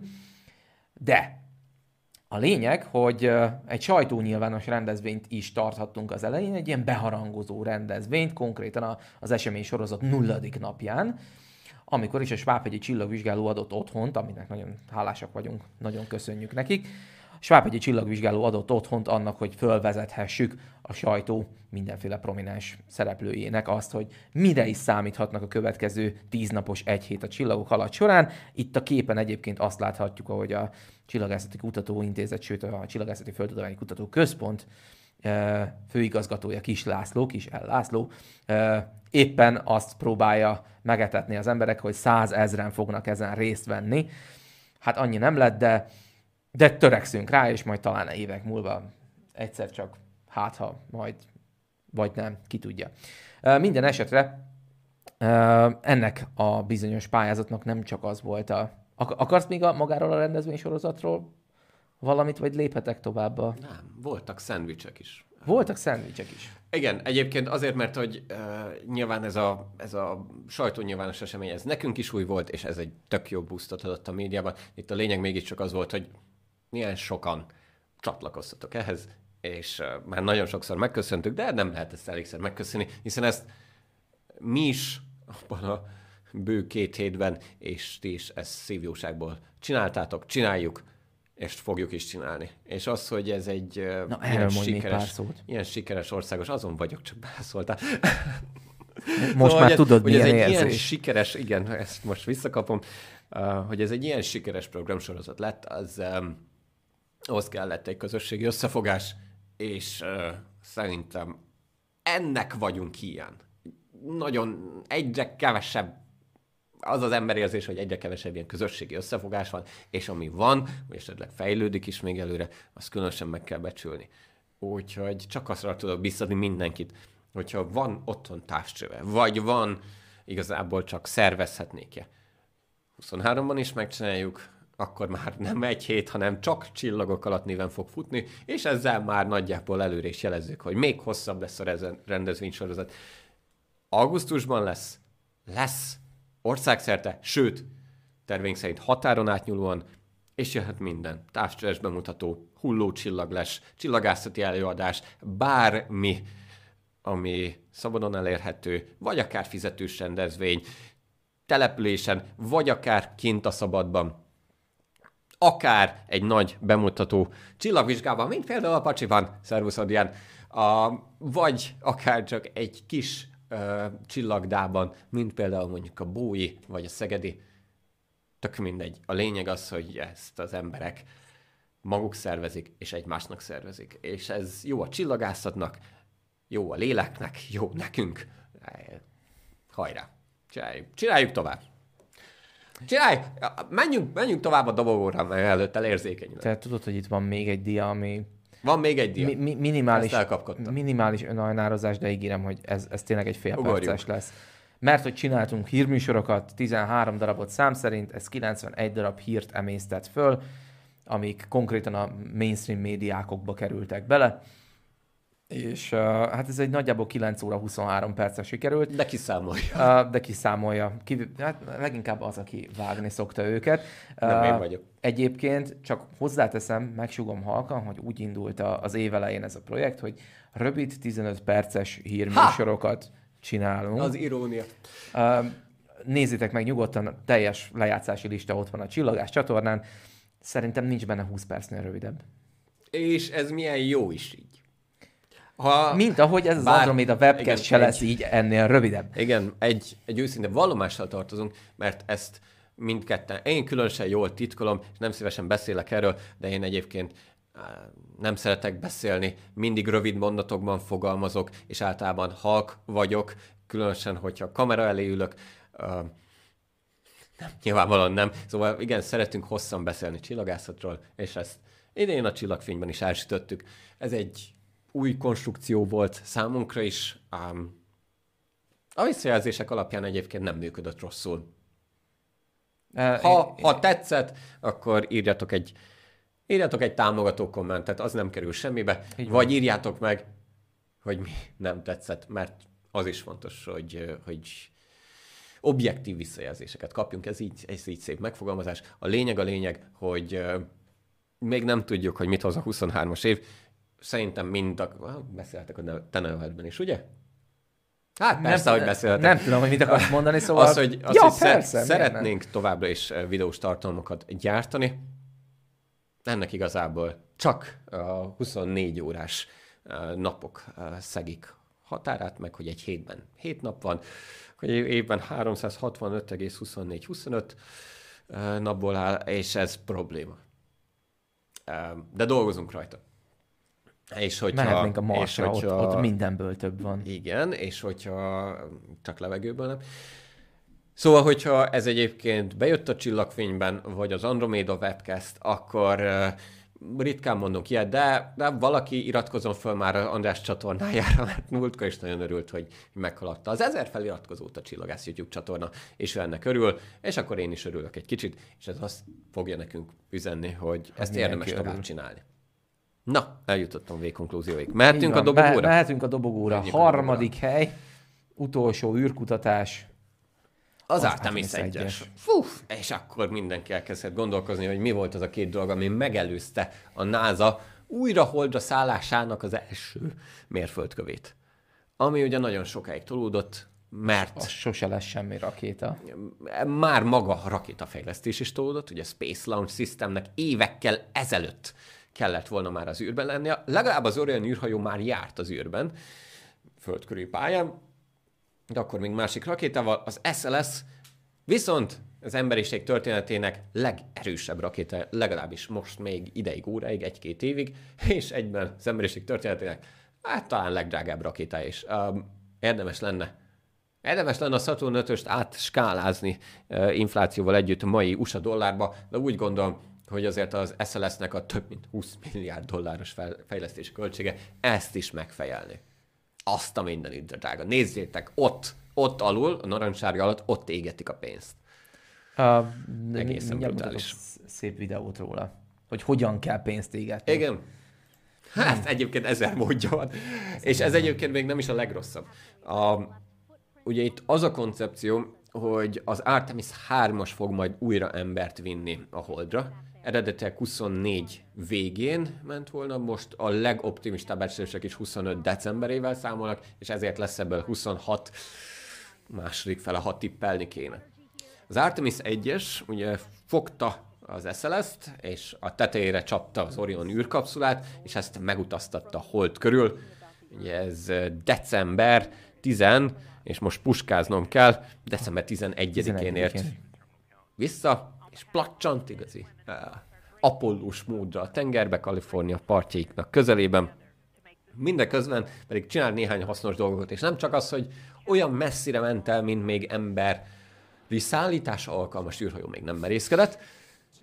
Ez több mint 430 ezer kilométerre járt a Földtől, idáig még az Apollo missziók kapszulái sem jutott el, de emellett vitt egy csomó kisebb-nagyobb űrszondát, meg mű, hold, holdat, hold, műholdat, igen, ez a helyes kifejezés, ami tudományt is fog fabrikálni, tehát már most hasznos volt, nem csak mint egy tesztmisszió, viszont az igazi jelentőség az Artemis 1-esnek az abban áll, hogy, hogy nem volt baj. Azért ritka az, hogy, hogy valami elindul, fölmegy az űrbe, visszajön, placsan a tengerbe, és, és mindenki tökre örül. Nézd, szerintem ez a, ez a csúcsa annak, ami, ami szerintem valahogy még a Challengerrel kezdődött, és a Kolumbiával erősödött föl, hogy, hogy, hogy túlbiztosítás van minden szinten. És nem véletlen, hogy a, James Webb is, meg a, a, az SLS is, milyen szépen magyarul van, SLS. SLS.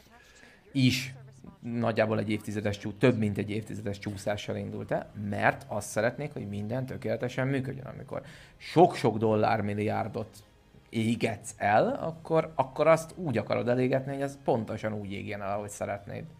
Igen, és hogy ez nem csak egyszerű elégetés volt.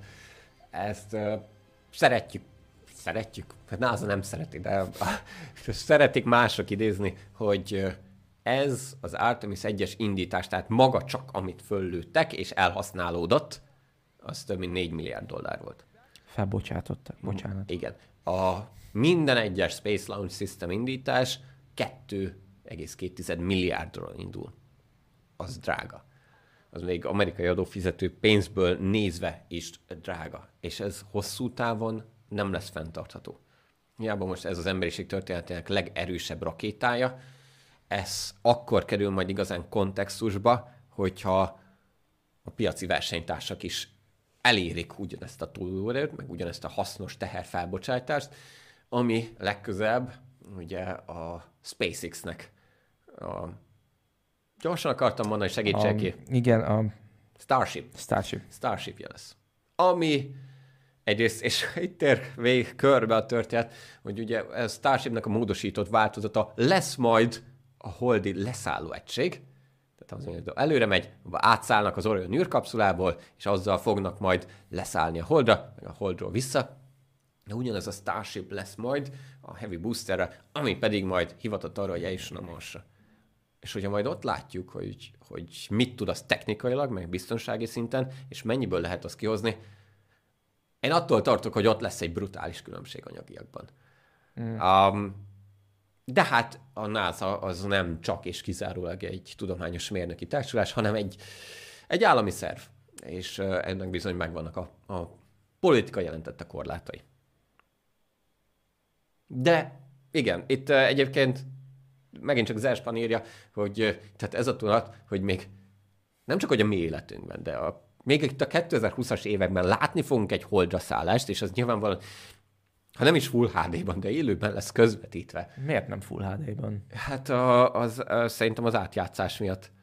Tehát ott, ott én most is láthattad, hogy a, az élőben közvetített felvételei azért az Orion űrkapszulának, az azért nem volt 1080p. Az, az azért alacsonyabb felbontású volt. Maradjunk annyi, hogy több, több mindegy. lesz, mint ami a 60-as, 70-es Látni fogjuk volt. élőben. Ez baromira izgalmas lesz. Én is, én is nagyon várom, és ez tök jó. És ja, hé, nem az én pénzemet költötték. Jó célra ment az egész, úgyhogy ez idén nálunk egy harmadik helyért ért. A környezetre gyakorolt negatív hatásokat, azokat pedig szerintem hagy, hagyjuk meg a, a vége robatnak. Mm, Mit szólsz? Igen. Mert hogy van még kettő, egy, egy dobogós ezüstérmesünk, és van egy, egy első helyünk, hát ebben a sorrendben. Ta ta ta tam. Igen. Egy hatalmas nagy fekete lyuk Na, a erre második helyet. mint a spanyol inkvizíció. Uh, Pontosan. Ez azért, azért érdekes, mert ugye a mi galaxisunk fekete lyukának környezetéről alkotott felvétel, ami ugye még májusban eh, került bemutatásra, és akkor nagyot szólt, de így tévvége felé én is elfeledkeztem róla, és így a híreket visszaolvasva nézem, ah, ez, ez idén volt. Milyen érdekes. Pedig ugye érdekes. 2020-ban még Nobel-díj is járt ugye a, azért a hosszú évtizedes munkáját, amivel a galaxisunk közepén a, a csillagoknak a keringéséből ki tudták számolni, mérni azt, hogy ott bent bizony középen egy, egy szupermasszív fekete lyuk van. És hát most ezt le is fotóztuk. Igen. 2019-ben készült az első felvétel egy fekete lyukról, és akkor itt mindig el kell mondani, hogy nem magát a fekete lyukat fényképezik le, egyáltalán nem is egyszerű felvételről van szó, hanem egy interferometriás, majdnem rádió hullámhosszú, de attól kicsit rövidebb, a milliméteres tartományban készült mérésekről, amiket aztán szuperszámítógépekkel összekombinálnak, és ebből csúcs teljesítmény az gyakorlatilag a szögnagyítás. A szögnagyítás olyan mértékű, mint még soha a technika történelmében. És így sikerült lef- lefényképezni ezt az egyébként nagyon picinek látszó narancsárgás fánkot, ami valójában a fekete körül keringő plazma, ami majd bele fog hullani oda a fekete lyukba, ami ott van valahol középen, a fánk közepén. Hadd legyek a hasonlat. Ö, Te vagy a fánk. má- mágus, hogy akkor a fánk hogy is Ja, fánk. azt hittem, hogy te magad vagy a hasonlat. Minek a hasonlatának Na, szeretném? mindegy, engem? folytasd kérlek. Szóval, hogy el tudjuk képzelni, hogy ez mekkora nagyítás, ez akkora nagyítás, azzal szoktak volt. Valószínűleg nem pont fánkkal ö, példáloztak a, a NASA-nál, mert, mert furáltam is, de konkrétan egy fánk nagyságú valamit a hold felszínén látnánk ilyennek. Ja, tehát innét a földről, Innét a földről, képzeljétek hogyha el, lefotóznánk egy fánkot a hold felszínén, a hold felszínén, Igen. Ezt a mondat, ez a ezen a mondaton még dolgoznunk kell, de értitek, Igen. tehát van benne alany állítvány, mindenki pakolja össze. Brutális. Iszonyat És, és az első fekete lyukfotó, amit 2019 áprilisában mutattak be, az az M87 galaxisa volt, ami sokkal messzebb van. Az ö, több mint 50 millió fényévre. Ez itt van a mi galaxisunkban, 26 ezer fényév. na jó, de jóval kisebb is. Na ez az, hogy az M87 hiába van sokkal messzebb, sokkal nagyobb, több mint tízszer nagyobb a, ez a kozmikus fánkja, és éppen ezért, so, sokkal, bocsánat, több mint tízszer nagyobb, és éppen ezért sokkal könnyebb célpont, mint a hozzánk sokkal közelebbi fánk. Ez így elsőre ellentmondásnak tűnik, de itt ugye látszó méretet kell figyelembe venni, és ez a látszó méret itt a, a Sagittarius A Star becenévre hallgató tejútrendszerbeli fekete lyuknál bizony pici. Mennyire pici, erre nem is Nem, tehát igen, e- ezért kavarodtam bele az előző mondatba, hogy a látszó mérete tízszer kisebb. A valódi mérete nagyságrendekkel kisebb. És ebből akad a gond. Hát még tovább kellett srófolni ez az eddig is rekordernek számító nagyítást. Hát és ennek lett az eredménye Igen. az, amit most a képen láthattok. Um, ilyenkor szoktak jönni a mm, Homer Simpson fánkot zabál és egyéb hasonló mémek. De ténylegesen egyébként nem csak úgy maga, hogy ez az egy fotó, mert egyébként nem csak ez az egy fotó létezik, hanem konkrétan több fotó is létezik ugyanarról a, az égitestről, mint Sagittarius E, és annak a, a folyamatos változása, hogy hogyan kavarogott az anyag, az egy annyira vadi új megfigyelés, és annyira vadi új információ, uh-huh. hogy ez ténylegesen a, abba az asztrofizikai magasságba emeli, ami bőven beteszi a, a, a mi kis rangsorunknak a második helyére. De mindig egyébként ez az, ami nagyon nehézé teszi, hogy mit teszünk bele egy listába, mert látványosnak látványos. Hát az ember azt mondja rá, hogy hát ez egy homályos fánk. De hogy mennyi tudományt lehet belőle leszűrni, az az, ami nem látszik így első ránézésre. És erről jut eszembe, hogy tudjátok, hogy mit lehet csinálni azzal a fajta jelenséggel, vagy objektum típussal, amiből már kettőt ismerünk. Statisztikát. Bőven, De jó, nem, de össze lehet hasonlítani, és itt ez, ez tök izgalmas, hogy még az M87 galaxis fekete lyuk, amit ugye három évvel ezelőtt hoztak nyilvánosság, első ránézése ugyanúgy néz ki, csak sokkal nagyobb. Ott nagyságrendekkel nagyobb az úgynevezett akréciónak a mérték. Ez az akréció az nem más, mint gyakorlatilag az anyagnak beleesése a fekete lyukba. Magyarán a fekete lyuk az ugye ebből hízik, ebből a fánkból zabál folyamatosan, és az M87 galaxis fekete lyuka sokkal nagyobb, nagyságrendekkel nagyobb ütemben zabál, mint a mi galaxisunké. És a mi galaxisunknál ez, a, ez az akréciós át, ez ilyen 10 a mínusz 8-on, 10 a mínusz 9-en naptömeg per év, ami azt jelenti, hogy alig, évente alig-alig növeli a tömegét. A szuper, az amúgy is szuper nagy tömegű fekete lyuk. Hogy ez mindig így volt-e? Valószínűleg nem, hanem hogy ez, ha nem is szezonálisan, de úgy néhány százezer évente ez változhat, attól függően, mondjuk egy anyagfelhő, egy molekulafelhő, vagy akár egy szupernova robbanás anyagot szállít oda a fektetők közelébe, és akkor ez a fánk ez megnövekedhet, és akkor a feketőjük is nagyobbat harap ebből, és gyorsabban hízik. Na, ez egy tök izgalmas dolog. És akkor majd a jövőben érkeznek a tovább, további fánkok. Igen, meg majd egyszer a Nobel-díj. Hogyha, hogyha tippelnetek jelen a következő csillagászati vagy kozmológiai kapcsolódású Nobel-díjra, akkor, akkor az Even Horizon Telescope kollaborációra tegyétek voksotokat. Én, én erre tippelnék legalábbis. Lehet. Közérdekű híreinket hallottátok. És jóslatainkat. Na, Készen álltok-e? Igen, amihez nem kellett komoly jós tehetség, hogy mi áll a lista első helyén. Miről nem beszéltünk még? Adj, adjunk egy fél percet, amíg tényleg Mindenki me- gondolja megjön. át az idei évét. Ma, mi, mindenki gondolja át, hogy mivel telt a, a mivel telt a legtöbb uh, idő a csillagfényben, ben, például. Jó, De. mindenki átgondolta, és akkor ütheted az hát, hát, hát, ha beírják a igen, csak, uh, csak ugye itt van egy késleltetés, és mi később látjuk a kommentet. És szeretném látni az... előre a kommentet. Igen. Hogy igazam volt. Amúgy milyen napod volt? Hosszan kellett mm, faragni ezen a stúdió, hogy fogjuk rá, hogy jól nézzen ki. Na, igen. De azért egész jól nézünk ki. Igen, képen, szerintem nem? is. Igen, én meg megborodtam. Főleg mióta följebb emeltem a kamerát. Igen. Egyébként közben kaptunk egy kérdést, arra még szerintem gyorsan válaszolni, mert ide, ide tartozik. Kis Dávid kérdezte, hogy egyébként, és itt gondolom itt az akréciós korongra gondoltál, egyébként itt simán súrlódik az anyag, vagy fuzionális. A, ebben a plazma korongban súrlódik, ettől kerül, ettől veszít lendületet, momentumot, és ezért kerül egyre bejebb és bejebb. Viszont itt még nem olyan magas a hőmérséklet, ugyan plazma halmazállapot, és eszonyatosan forró, és ezért világít, de itt ez még bőven kevés ahhoz, hogy beindulhasson a fúzió. Hasonló körülmények között egyébként úgynevezett nováknál, ahol ez sokkal kisebb tömegekkel és sokkal kisebb méretben, de nagyobb sűrűségnél játszódik le, ez az akkretizálás, na ott beindulhat időnként a fúzió, és az okoz nóva robbanásokat. Itt legjobb tudomásom szerint ne, meg se közelíti azt a kritikus sűrűséget és hőmérsékletet, hogy, hogy fúzió indulhasson be, az is robbanásszerű lenne egy ilyen akréciós korongban, és ilyet még nem láttunk. Ugye fektők az közvetlen közeléből ott a plazmakorong egyszer csak szétvetődjön.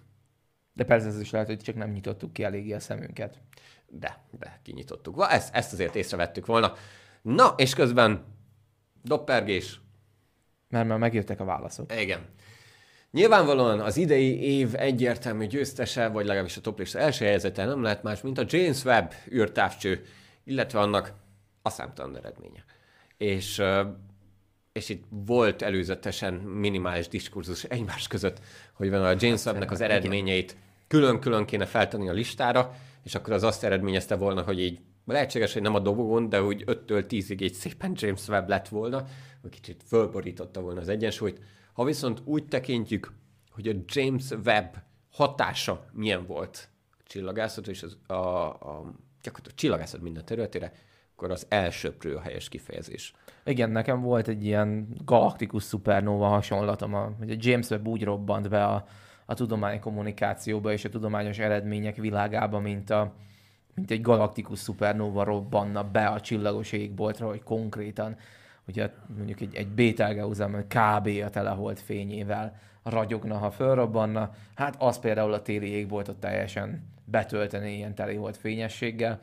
A James Webb valami ilyesmit produkál a tudománykommunikációban. Nekem speciál, amikor vissza kellett nézni a, a, a híreket, hogy na most akkor mi volt idén, ami, ami folyamatosan a James Webbe botlottunk bele, ennek köszönhető az, hogy az első helyre került, és itt pár, pár gondolatot, meg pár eredményt itt föl is fűztünk a, a diasorra, de, de messze nem teljes a lista, úgyhogy ez csak ilyen mm, alapvető szemezgetés próbált lenni Igen. abból, hogy Itt az fontos szerintem aláhúzni.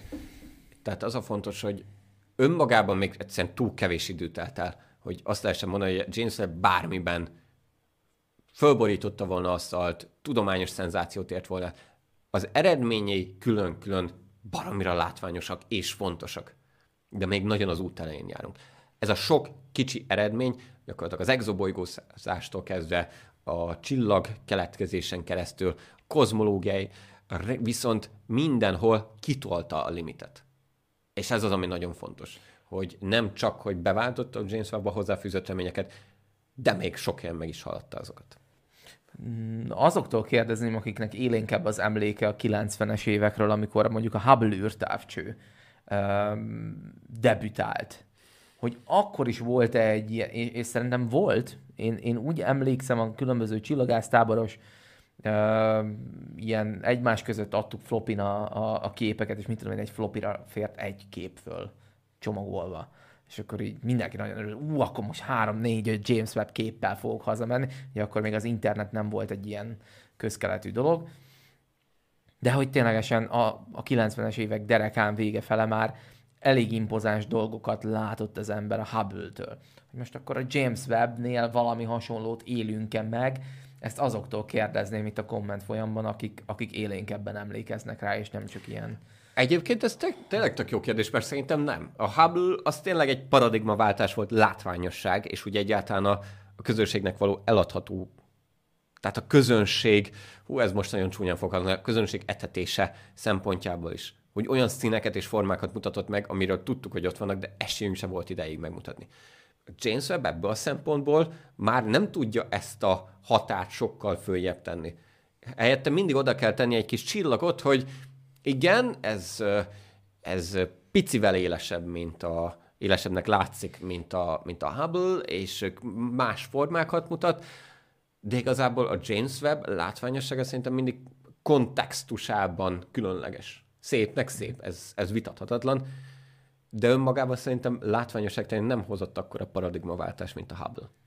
De nem is csak látványosság terén gondolom, hanem hogy, hogy egyáltalán tudományos eredmények terén. Tehát itt most nem csak a, a tudomány kommunikációs Aha, eredményére értem, gondolok, hanem hogy, hanem hogy a, a, a tudományos eredményekben való megnyilvánulása és, és elsöprő ereje az, megny- az, az létezett a 90-es években. Igen, de az, ahhoz pedig a Hubble-nek is évek kellettek.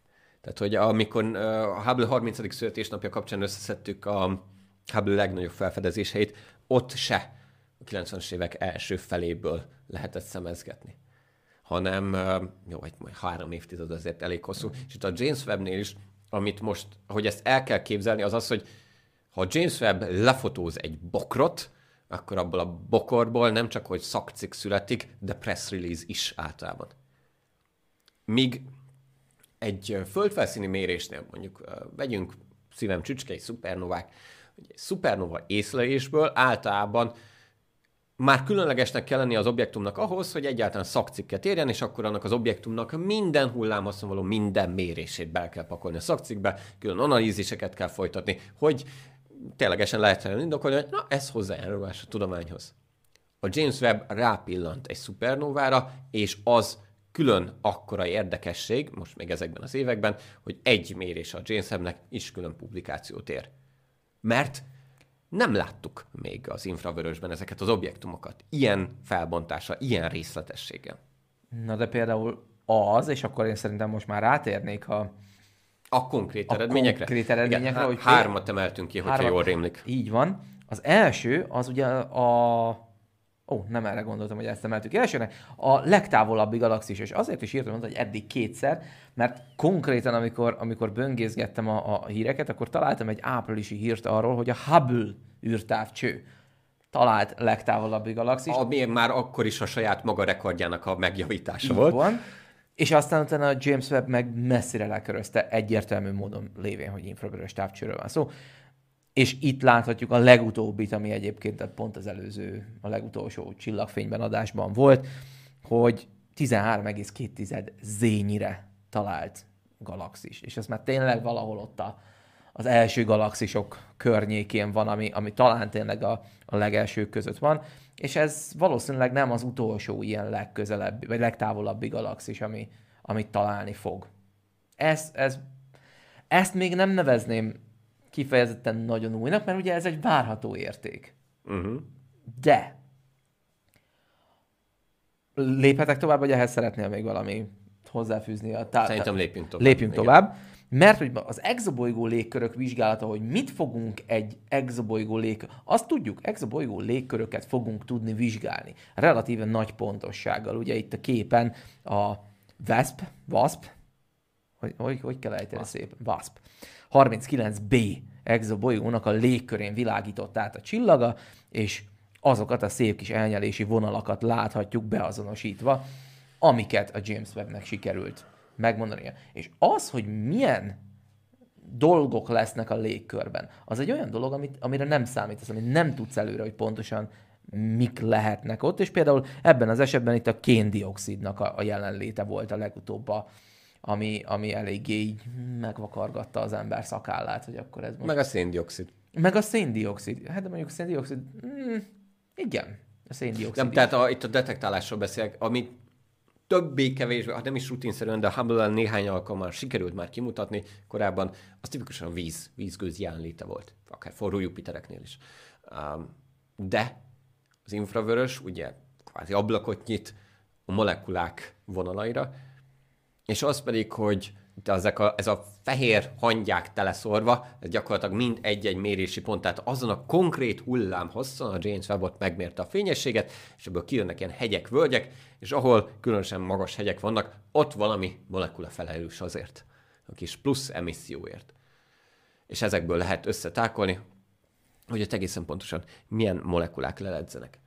A, a helyzet az, hogy pont itt egyébként az exobolygászatnál és az exobolygó spektrumoknál ütközött ki a legkomolyabban az, hogy hogy mennyire nincsen semmivel se összevetni ezeket az adatokat. Például amikor van egy nyers adatunk, hogy itt a gép, a James Webb ekkora, ezen a hullámoszon ekkora jelet adott, az tök jó, de ahhoz azt ki kell találni, hogy az valójában mekkora fizikai fluxust jelent, mihez lehet azt viszonyítani, egészen pontosan biztosak lehetünk, hogy csak egy molekulának a köz, közreműködéséről van szó, vagy akár több molekula hozzájárulása, és ugyanúgy van szupernováknál is hasonló problémákba futott bele amerikai kollaboráció tagjai, hogy tök jó, hogy vannak mérési adataink, de azt értelmezni, és azt mondani, hogy na kérem szépen, ez a vonal, ez, ez a molekula okozza. Ez a közeli infravörösben, meg az optikai tartományban már évek, tizedek óta rutinszerűen megy. És akkor most megkaptuk az infravörös adatokat, és fakargatjuk a fejünket, hogy biztosak lehetünk abban, hogy az a jel az azt jelenti. Hmm, ez még néhány év, hogy ez teljesen kiforja magát. És ebből fakad az is, amit itt kis László éppen ír, igen, jól látom, hogy az űrtávcsőnél az első két-három évben bejövő adatok befolyásoló tényezők, tökéletesített, teljes körül megértek. Köszönöm, én, én is ezt próbáltam meg elmondani meg, megkaphatjuk a virtuális pasit egymástól így. Ja. Uh, egyébként, ahogy ezt így felvázoltad, annyira eszembe jutottak azok az első évek. Egyébként nem véletlenül nem lesz mindenkiből csillagász, mert szerintem valahol ott veszi el a varázsát a csillagászat bizonyos emberek számára, amikor amikor kiderül, hogy mennyire természettudományról van szó. Hogy a, a, konkrétan az jut eszembe, amikor még Csák Balázs vitt ki minket a Szegedi csillagvizsgálóba, hogy ott a CCD kamerás méréseknek a mikéntjét elsajátítsuk. És akkor, hogy mire kell figyelni, hogy amikor fletezik az ember, nincs ernyőnk, hát akkor az égbolton kell. De az égbolt nem mindig olyan fényes, amilyennek kell. Tehát el kell találni, hogy mikor olyan fényes. Aztán kell más kalibráló képeket is. Azokat... Értem, hogy mit mondasz, és akkor se helyezném kontextusba a James Webb nem, méréseivel, nem. mert mostanság a James Webb, tehát a csillagászok is azt élik át ezt a szinte ilyen galilei élmény, hogy uramatyám James Webb adat, és mit látunk belőle. Igen. Tehát új dolgokat látunk. De hogy, de hogy egyébként konkrétan lépésről lépésre, ahogy megismered az új csillagászati eredményeket, mm.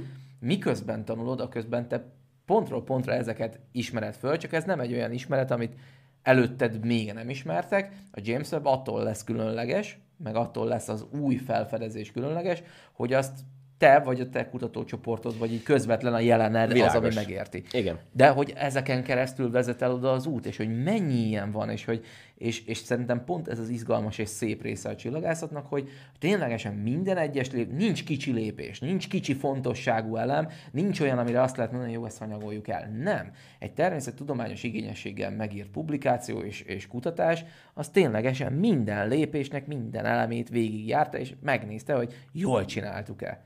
Na hát a James Webb-nél is ugye ez lesz ja. az egyik ilyen kardinális pont, hogy na mindent jól csináltunk-e. És Na. tényleg azt látjuk-e, amit látunk? És miután most kielemeztük, hogy miért is jók ezek a száraz adatsorok, és mit kell belelátni, és hosszan kell ezt magyarázni, mutassunk valami szépet. Mutassunk szépen. szép dolgok is, amit nem kell magyarázni. De ezt azért kell kicsit magyarázni. Igen. A Neptunus, illetve a Neptunus rendszerét is lefotózta a James Webb. Gyakorlatilag majdnem minden naprendszerbeli bolygóról van most már James Webb képünk, nem most túlosszam. Kivéve? Mert ugye a Mars, a Jupiter, illetve a Neptunus került lencse végre. És hol van a Saturnus? Barnabás Saturnus szeretne. Ha valaki látta mostanság a Saturnust, illetve vagy a James Webb-et kérdezze meg, hogy miért nem lőtték le meg a gyűrűs bolygóra a képet, valószínűleg azért, amiért a Neptunus az látványos. Ugye a Neptunus az ott középen az a fényes korongszerűség, és amit a James Webb képe enged látadni, ez a, ez a vékony kis dupla gyűrűszerűség. És ez azért fontos, mert az infravörösben a gyűrűknek a jégszemcsé, azok viszonylag fényesek, és még ilyen brutális távolságból is le lehetett kapni. De még hogy? A Saturnusnál valószínűleg éppen az a probléma, hogy azt baromira vastagok a gyűrűk, mármint nagyon szélesek a gyűrűk, teljesen vannak ugyanilyen jégszemcsékkel, és ott a bolygót lefotózni úgy, hogy ezek a gyűrűk körülte viszont írtatlan fényesek, az infravörösben valószínűleg ez okoz némi problémát, de visszakanyodva, előbb vagy utóbb lesznek majd James Webb adataink a Saturnusról, és kanyarodjunk vissza a Neptunushoz. Mit látunk még itt?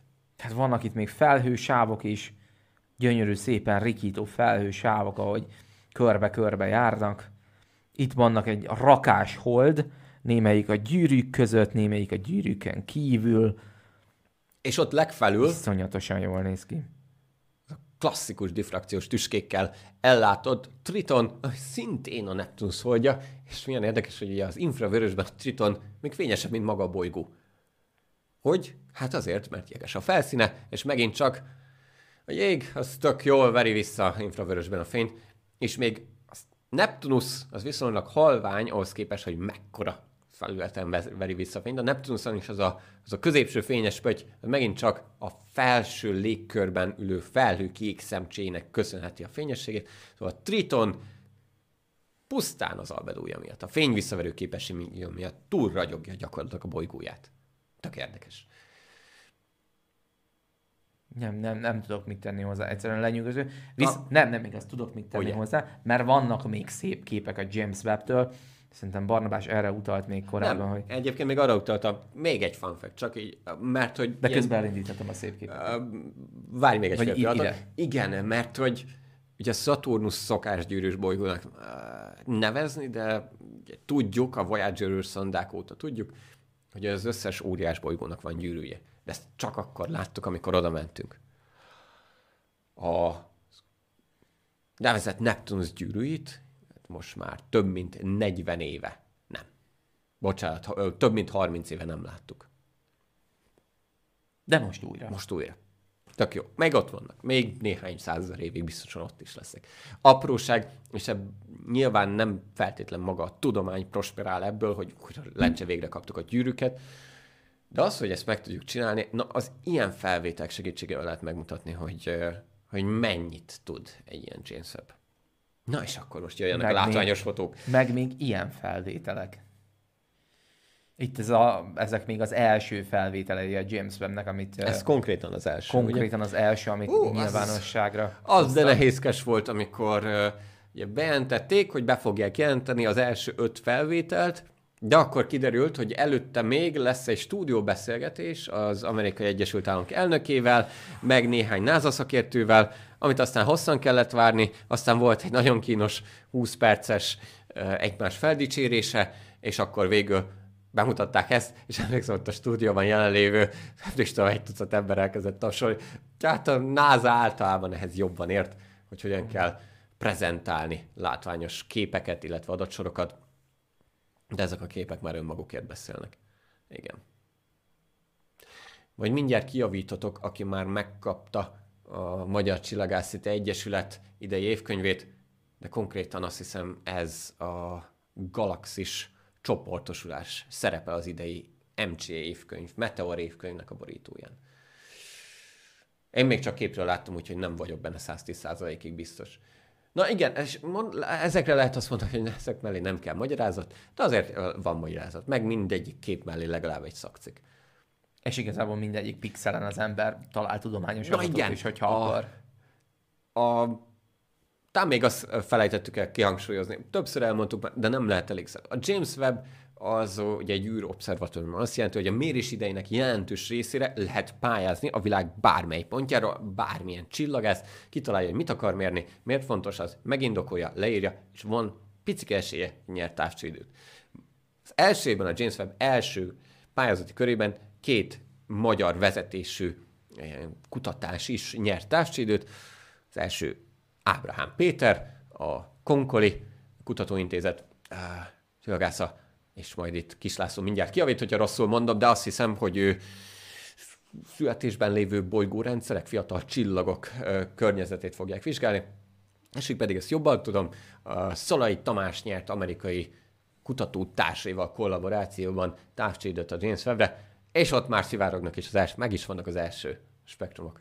És mm. ez tényleg tök olyan volt, hogy csak hétfőn dolgozik az ember, és akkor Tamás megszól, hogy akartok James Webb spektrumot nézni, és akkor oda gyűlünk köré, és wow, az a klasszikus Spektrum. tévébe illő pillanat, amikor Igen, de, de, a kutatók így egy színkép, a... színkép tipikusan eh, kevésbé látványos, hogy hú, hú, ez király.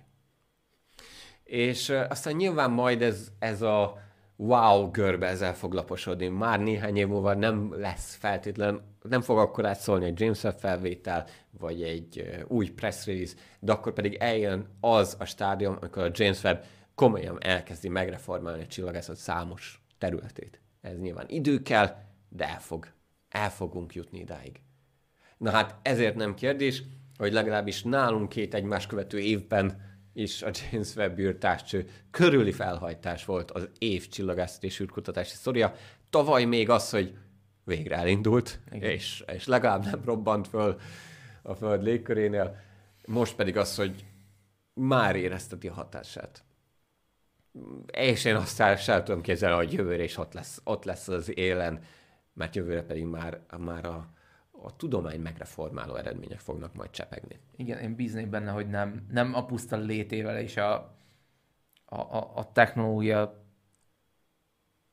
nem azt akarom mondani, hogy túl, a technológiai fejlődésnek a, a, a, az elnyomása, vagy a, vagy a felnyomás, vagy nem tudom mi a jó kifejezés itt, de tehát, hogy, hogy nem csak pusztán az, hogy ő most így mindenben jobb, mint amit eddig gyártottunk, hanem, hanem hogy ténylegesen azok az új eredmények, a, a, a természettudományos állítások, amiket tehetünk majd vele, az, az majd túl, túlsúlyozza azt, hogy, hogy nem csak egy tech demóról van szó.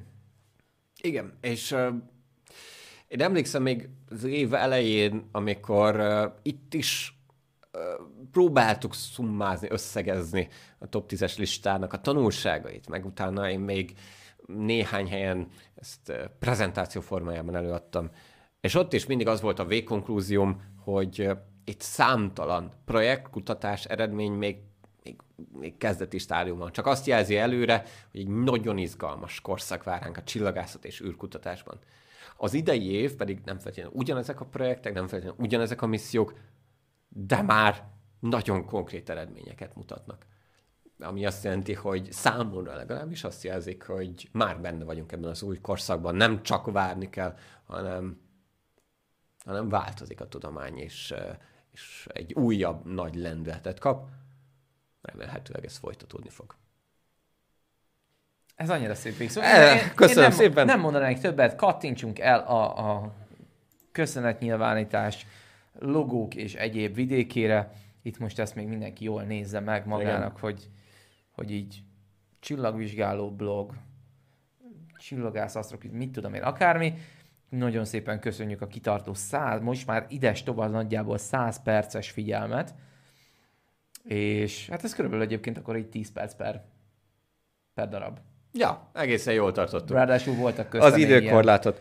Volt időkorlát? Hát ö, ezt az előzetesen Fog- megbeszélt időkorlát. Fogjuk rá, de hát És még most akkor- jön az igazán izgi rész, hogy várjuk azt, hogy, hogy kérdezzetek bátran. Itt nagyjából szerintem végigmentünk a kérdéseket, de mindjárt leellenőrizzük.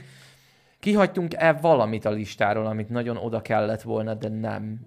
Vagy volt-e valami, ami a listával kapcsolatban mozgatja a fantáziátokat, és, és szeretnétek megkérdezni? Vagy esetleg van bármi más csillagászatról, vagy a csillagászati ismeretterjesztésről, amit szeretnétek bedobni, elmesélni, megvitatni. Ez innentől kezdve kifulladásig a kötetlen beszélgetés része. Így van, el is És még, a még mi... Ez nem biztos, hogy sikerült ez az eltüntetés. A, míg várjuk ugye a YouTube késése miatt a, az esetleges hozzászólásaitokat, addig csak nagyon röviden, hogy mi maradt le a listáról. Mi az, ami még szóba jött egyébként, akár magyar hazai érintettség kapcsán, akár jelentősége kapcsán, tehát mégis csak egy tízes lista, az legyen tízes lista. Na és akkor én is itt föl, föllapozom a, a, a saját jegyzetemet. Meg az enyémet is. A tiéd? Azt te keresed meg. Ami egyébként félig meddig szóba került, és, és szerintem fontos megjegyezni, mert mégiscsak hazai. Ugye Sárnyi Krisztiánnak a sikeres földsúró kisbolygó kuta, kereső projektjét már megénekeltük, ma is, meg, meg többször is az év folyamán. De amiről nem volt szó, hogy az idei naptári évre esett hosszú idő után az első hazai üstökös felfedezés. Ez konkrétan január másodikáról harmadikára virradó éjjel történt. Nem elsőről másodikára virradó éjjel történt, piszkés tetőről, és ezzel Sárnészki Krisztiának egy hosszú álma valósult meg. Azt hiszem, nem tévedek nagyot, ha azt mondom, hogy több mint három évtized után először sikerült hazai csillagásznak, Lovasi Miklós volt sikeres ebben még a témában, régesség, újra üstökös felfedeznie. Ez nyilván nem egy, hogy is mondjam, csak tudomány történetet megrengető felfedezés, de a hazai csillagászatnak, illetve a piszkéstetői megfigyelőállomásnak szerintem egy, egy, egy óriási siker. És tök jó, hogy, hogy van egy nem, nem csak közép-kelet-európában sikeresnek mondható projekt, hanem egy, egy világszínvonalú kereső projekt, aminek vannak ilyen melléktermékei. Na nézzük, mi volt még? Neked volt még valami? Én emlékszem, hogy írtam még ilyen... Nem a futottak még a jó kifejezésre, hanem... Ja, de olyan is volt. Mondjuk olyan is volt. Oké, okay, ami például különösen nagy ö, sajtónyilvánosságot kapott azokban a hetekben, és uh, én értem, hogy miért, de azért jelentősége most még nincs olyan sok. Ez a SpaceX, illetve a NASA uh, közös mm, sajtóközleménye, mi szerint vizsgálják annak megvalósíthatóságát, hogy a Hubble űrtávcsövet kicsit megtolják, uh-huh. uh, és magasabb pályára emelve, még adnak neki néhány évet. Ami baromira jól hangzik, és tök jó skifi téma, de ha most nagyon őszinték akarunk lenni, akkor nem feltétlen olyas valami, ami, ami már most érezteti fontosságát. Egy tök jó, ami uh, sztori, amin el lehet mélázni, és el lehet róla fantáziálni. Nagyon messze vagyunk attól, hogy ez megvalósuljon. Már csak azért is, mert egyébként, ha a Hubble-nek a giroszkópjai meg a szoftveres környezeten nem megy tönkre, akkor is még van bő tíz éve még, mielőtt elkezdi megközelíteni a Föld felső légkörét.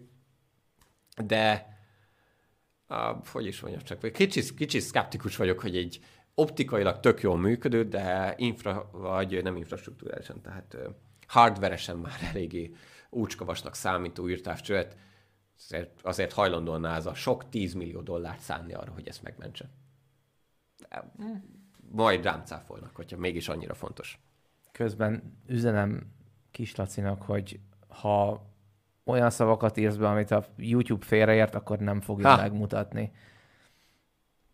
Na, András, neked mi volt Nekem még a... még futottak ilyenek, még kategóriák? Futottak még, hogy túl vagyunk az 5000 exobolygón, ez Ó, nem annyira, Ez egy, nem ez annyira- is egy mérföldkő. egy mérföldkő, csak nem annyira kapott nagy... 5000 megerősítettek. 5000 megerősített exobolygó. Sűrűn spektroszkopizálnak az exobolygászok, és, és ebből az a sok ezer Kepler űrtávcső által ránk hagyott feltételezett detektálás szépen lassan átfordul. Tehát a Kepler még a síron túl is küldi számunkra az exobolygó felfedezéseket. Így van. Volt egy ilyen, amiben belefutottam, hogy ugye növényeket sikerült termeszteni holdi regolitban benne. Az... Ezt nem is értem. Én, én se teljesen, nem, nem olvastam végig. A... Ja, tehát te a hírt nem érted, én a fontosságát nem értem. Hát miért? Az, hogy ténylegesen dolgozunk azon, hogy ott helyszínen ne, ne kelljen mondjuk termőtalajt elvinni, én, hanem, hanem csak Én a Marsióta tudom, hogy ez működik. Ja, hogy a Marsióta. Igen. Jó, de ezt ki kell próbálni, le kell tesztelni, hogy ez tényleg úgy van. Kiváló. Aztán volt az, hogy ugye a, a, a Gaia kollaboráció kapta a Berkeley díjat, de ez igazából a Data Release 3-nál meg kellett volna említeni, nem baj, most pótoljuk a, a mulasztást. Tehát, hogy már csak ez is mutatja azt, hogy, hogy tényleg mekkora eredményekről van itt szó, és mekkora az az adatbázis, és hogy mennyi minden fog belőle kiderülni. Nem tudom, más nem látok itt, amit eddig nem említettünk volna. Um, a fokozódó napaktivitás. Rengeteg, fokozódó rengeteg napaktivitás. hír volt, és ennek kapcsán ugye mi is foglalkoztuk a csillagfényben azzal, hogy egyre látványosabb mik voltak? Plazma kígyó, nekem az Plazma kígyó volt. Kígyózott a plazma meg, kígyó. meg mosolygónap, de volt legalább kétszer, de lehet, hogy háromszor is sarki fény Magyarországon. Igen, és uh, felejtjük azt a zseniális címlapot az egyik magyar hírportáról, uh, nyilván nem, nem mondjuk ki, hogy az origó volt, a kipusztul az emberi civilizáció, akkor a napkitörés történt. Igen, igen, jönnek nagy napkitörések, de ez még jövőre is egyre sűrűbbek lesznek, meg egyre nagyobbak, és 2025 végéig még fokozódik a napaktivitás. Menjetek el egy csillagvizsgálóba, és nézzétek meg háfa szűrőn keresztül, hát úgy baromira látványos, és egyébként meg ettől nem igazán kell tartanunk. Nézzétek vissza a csillagfilmben. Nekünk ott, nem ott kell tartani, de például idén volt az is, amikor a Starlink 49 felbocsátott műholdjából 40 napkitörés uh-huh. miatt pottyant vissza. vissza. Mármint elégett a magas légkörben. Igen. Ja, békeporajra. Nem fogom sajnálni a Starlinket. Uh, Laci, már másodjára akarnak téged kikommentelni a, a, a YouTube-on. Mármint, hogy be van kapcsolva ez az intelligens Káromkodás szűrő? De én a... Ha, ne, lehet nem is annyira, lehet nem is annyira uh, én, rossz, rosszul működik. Én, én ha, ha, hajlamos vagyok megmutatni, de bízom benne, hogy nem fognak kitiltani a YouTube-ról, érte? Nem hinném, de és uh, egyébként egy végigfutva a kettőnk listáját meglepően nagy egyetértés uralkodott. Igen, határozottan. Tehát nem voltak komoly viták. Az egyetlen az, hogy András följebb tolta az az űrkutatási dolgokat, mm. és hát lejjebb csúszott a gája, de legalább nem, bekerült a fúzió. Bocsánat, én, én nem is annyira följebb akartam tolni, mint inkább lehet, hogy volt benne egy kis műsortechnikai gondolkozás is, hogy ne egymás után jöjjön egy rakás űrkutatás, és aztán utána egy rakás asztrofizika, hanem, hanem ezek így többé-kevésbé valamennyire azért felváltva jöjjenek, mert nehéz egyébként amúgy is berangsorolni, hogy most ezek hova illenének. Na de, van egy rakás kérdésünk. Ja, igen, fussunk neki Tau Herkulidák meteorraj. Az például Számomra innen Magyarországról nem volt egy nagy élmény, ha bár kint voltam. Nem a... lehetett látni Magyarországon. Nem igaz, bocsánat, láttam az előfutáraiból ja, a... néhányat. Te akkor Bakonybélben voltál, Bakony... és éjfél után egy-két órával már szállingóztak. Igen, De a igen. csúcs, az valamikor hajnal hasadtak környékén. Így van. Arról Laci tud nagyon jókat mesélni. Ja, aki kiment Texasba. Így van, meg meg lehet nézni meg, ugye a megfelelő magyar titokadást, amiben a teljes túráról nagyon örülnek. Mesél um, hosszasan. Keressem kérdést. Ah, hello Korksi! Mindig örülök, hogy felbukkan a neve, mert ő az egyik. Még a csillagvizsgáló blogon, még a régi indexes csillagvizsgáló blogon az egyik legelső visszatérő kommentelő volt. És tök jó, hogy, aztán most évekkel később még itt a, a videós csetablogban futunk össze. Ő írta, hogy igen, látható fényben az adaptív optikás földi távcsövek már felveszik a versenyt az űrtávcsővel, majd még jönni fog az ILT, vagyis az Extremely Large Telescope, maga 39,5 méteres tükörátmérőjével. Az űrtávcsöveknél az igazi pálya az infravörös tartomány.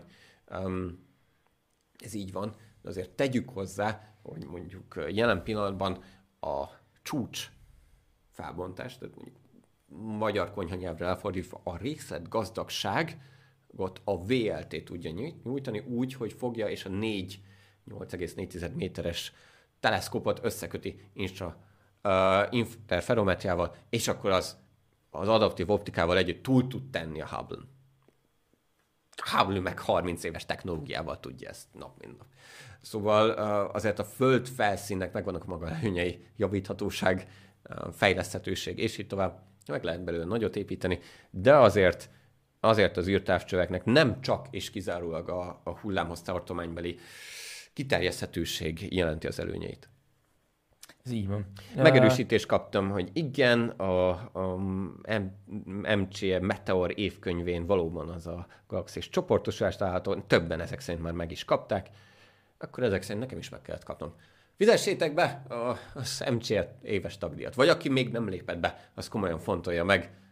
Van hozzá egy csomó kedvezmény is, de nem csak ezért fontos egyébként, és szolgálti közlemény, ezt ki kellett volna raknom. Szóval nem csak ezért fontos egyébként belépni az MCL-be, nem csak ezért jó dolog, hanem mert, hogy ezzel támogattok egy uh, rendkívül sok oldalú ma hazai egyesületet. Ugye ez a legnagyobb hazai csillagászati egyesület, közel 2000 taggal, ami tök jó, de pont például ez a tél mutatja meg, meg a növekvő nyomtatási költségek, meg papírár, meg, meg gázszámák, stb., hogy hogy hiába sok jó ember hasznos munkája és összefogása, akkor is a megoldandó célekhoz még többen kellünk. És ezt érezzük a Szegedi Csillagvizsgálónál is, ezt érezzük a Csillagokat projekten is, és az MC is továbbra is taktoborzást tart, mert minél többen vagyunk az Egyesületen belül, annál jobb. Gyertek! Na de én közben találtam egy kérdést, amit nem tudom, hogy megválaszoltunk-e, hogy GRB-t detektáltak-e már a tejútrendszerben. Uh, nem. Nem. Nem. Akkor ezt még az... nem válaszoltunk meg. Um, a, pont most ez a Brightest of All Time, tehát ami a tizedik helyen megénekeltünk GRB-t, minden idők egyik legközelebbi gamma ray kitörése, vagyis gamma kitörése. 2,4 milliárd fényévre. Ez nagyjából kontextusba helyezi, hogy ezek milyen távoli objektumok.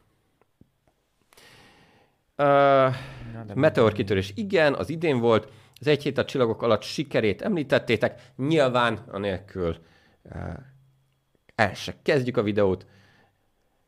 És ja, szerintem körbeértünk. Körbeértünk. Wow. Két óra alatt. Ez szerintem egyéni rekord. Hú. Nem? nem? Oké. Okay. A tavalyihez két Mármint, hogy volt. igen, de úgy értem, hogy... Jó, hogy elértünk a, a mondani való végére. Igen, igen hogy, hogy pörögtünk pörögtünk. És akkor pedig most jön az, hogy mi is egy kicsikét megpihenünk. Hogy mondtam, jövőre mindenképp lesz csillagok alatt augusztusban, jövőre mindenképp lesz Szegedi csillagvizsgáló, jövőre mindenképp lesz. András, valahol lesz, keressétek ne, meg. Ne, ne valahol lesz. Ne Ez az, lehet, hogy nem is lesz András. A, és amit még nagyon szeretnénk, hogy valahogyan folytatódjon ez a videós tartalomgyártás. Köszönjük a támogató kommenteket, és ebben a tekintetben még nem tudunk semmit se ígérni, de törekszünk. Hogyha valaki tud, akkor küldjön egy kis plusz időt, mert annak, annak fogytán vagyunk. Ja, van mi még magvas gondolat? Nem tudom, olyan, olyan szépen lekerekíted mostanában a gondolatokat. Gyakorlom, tükör előtt. Macska meghallgat, bólint kettőt, jó volt. Ú, most akkor a macska lesz a megoldás. Igen, ah, igen, kell még egy macska, de ez minden videót feldob. De a konyhában nem kellett volna a kávét kiöntse. Azt nem. Nem, kávé és macska együtt az nem működik. Szóval akkor már nem marad hátra, mint uh, megköszönjük a ma esti kitartó figyelmeteket, meg azoknak, akik nem ma este voltak velünk, hanem hogy később hallgatják, vagy podcast formájában hallgatják. Egy csomó helyen ott vagyunk most már. Köszönjük szépen, hogy velünk voltatok egész évben. Mit szoktunk kívánni? Derülteget. Sziasztok. Sziasztok. Már csak órák kérdése. Igen.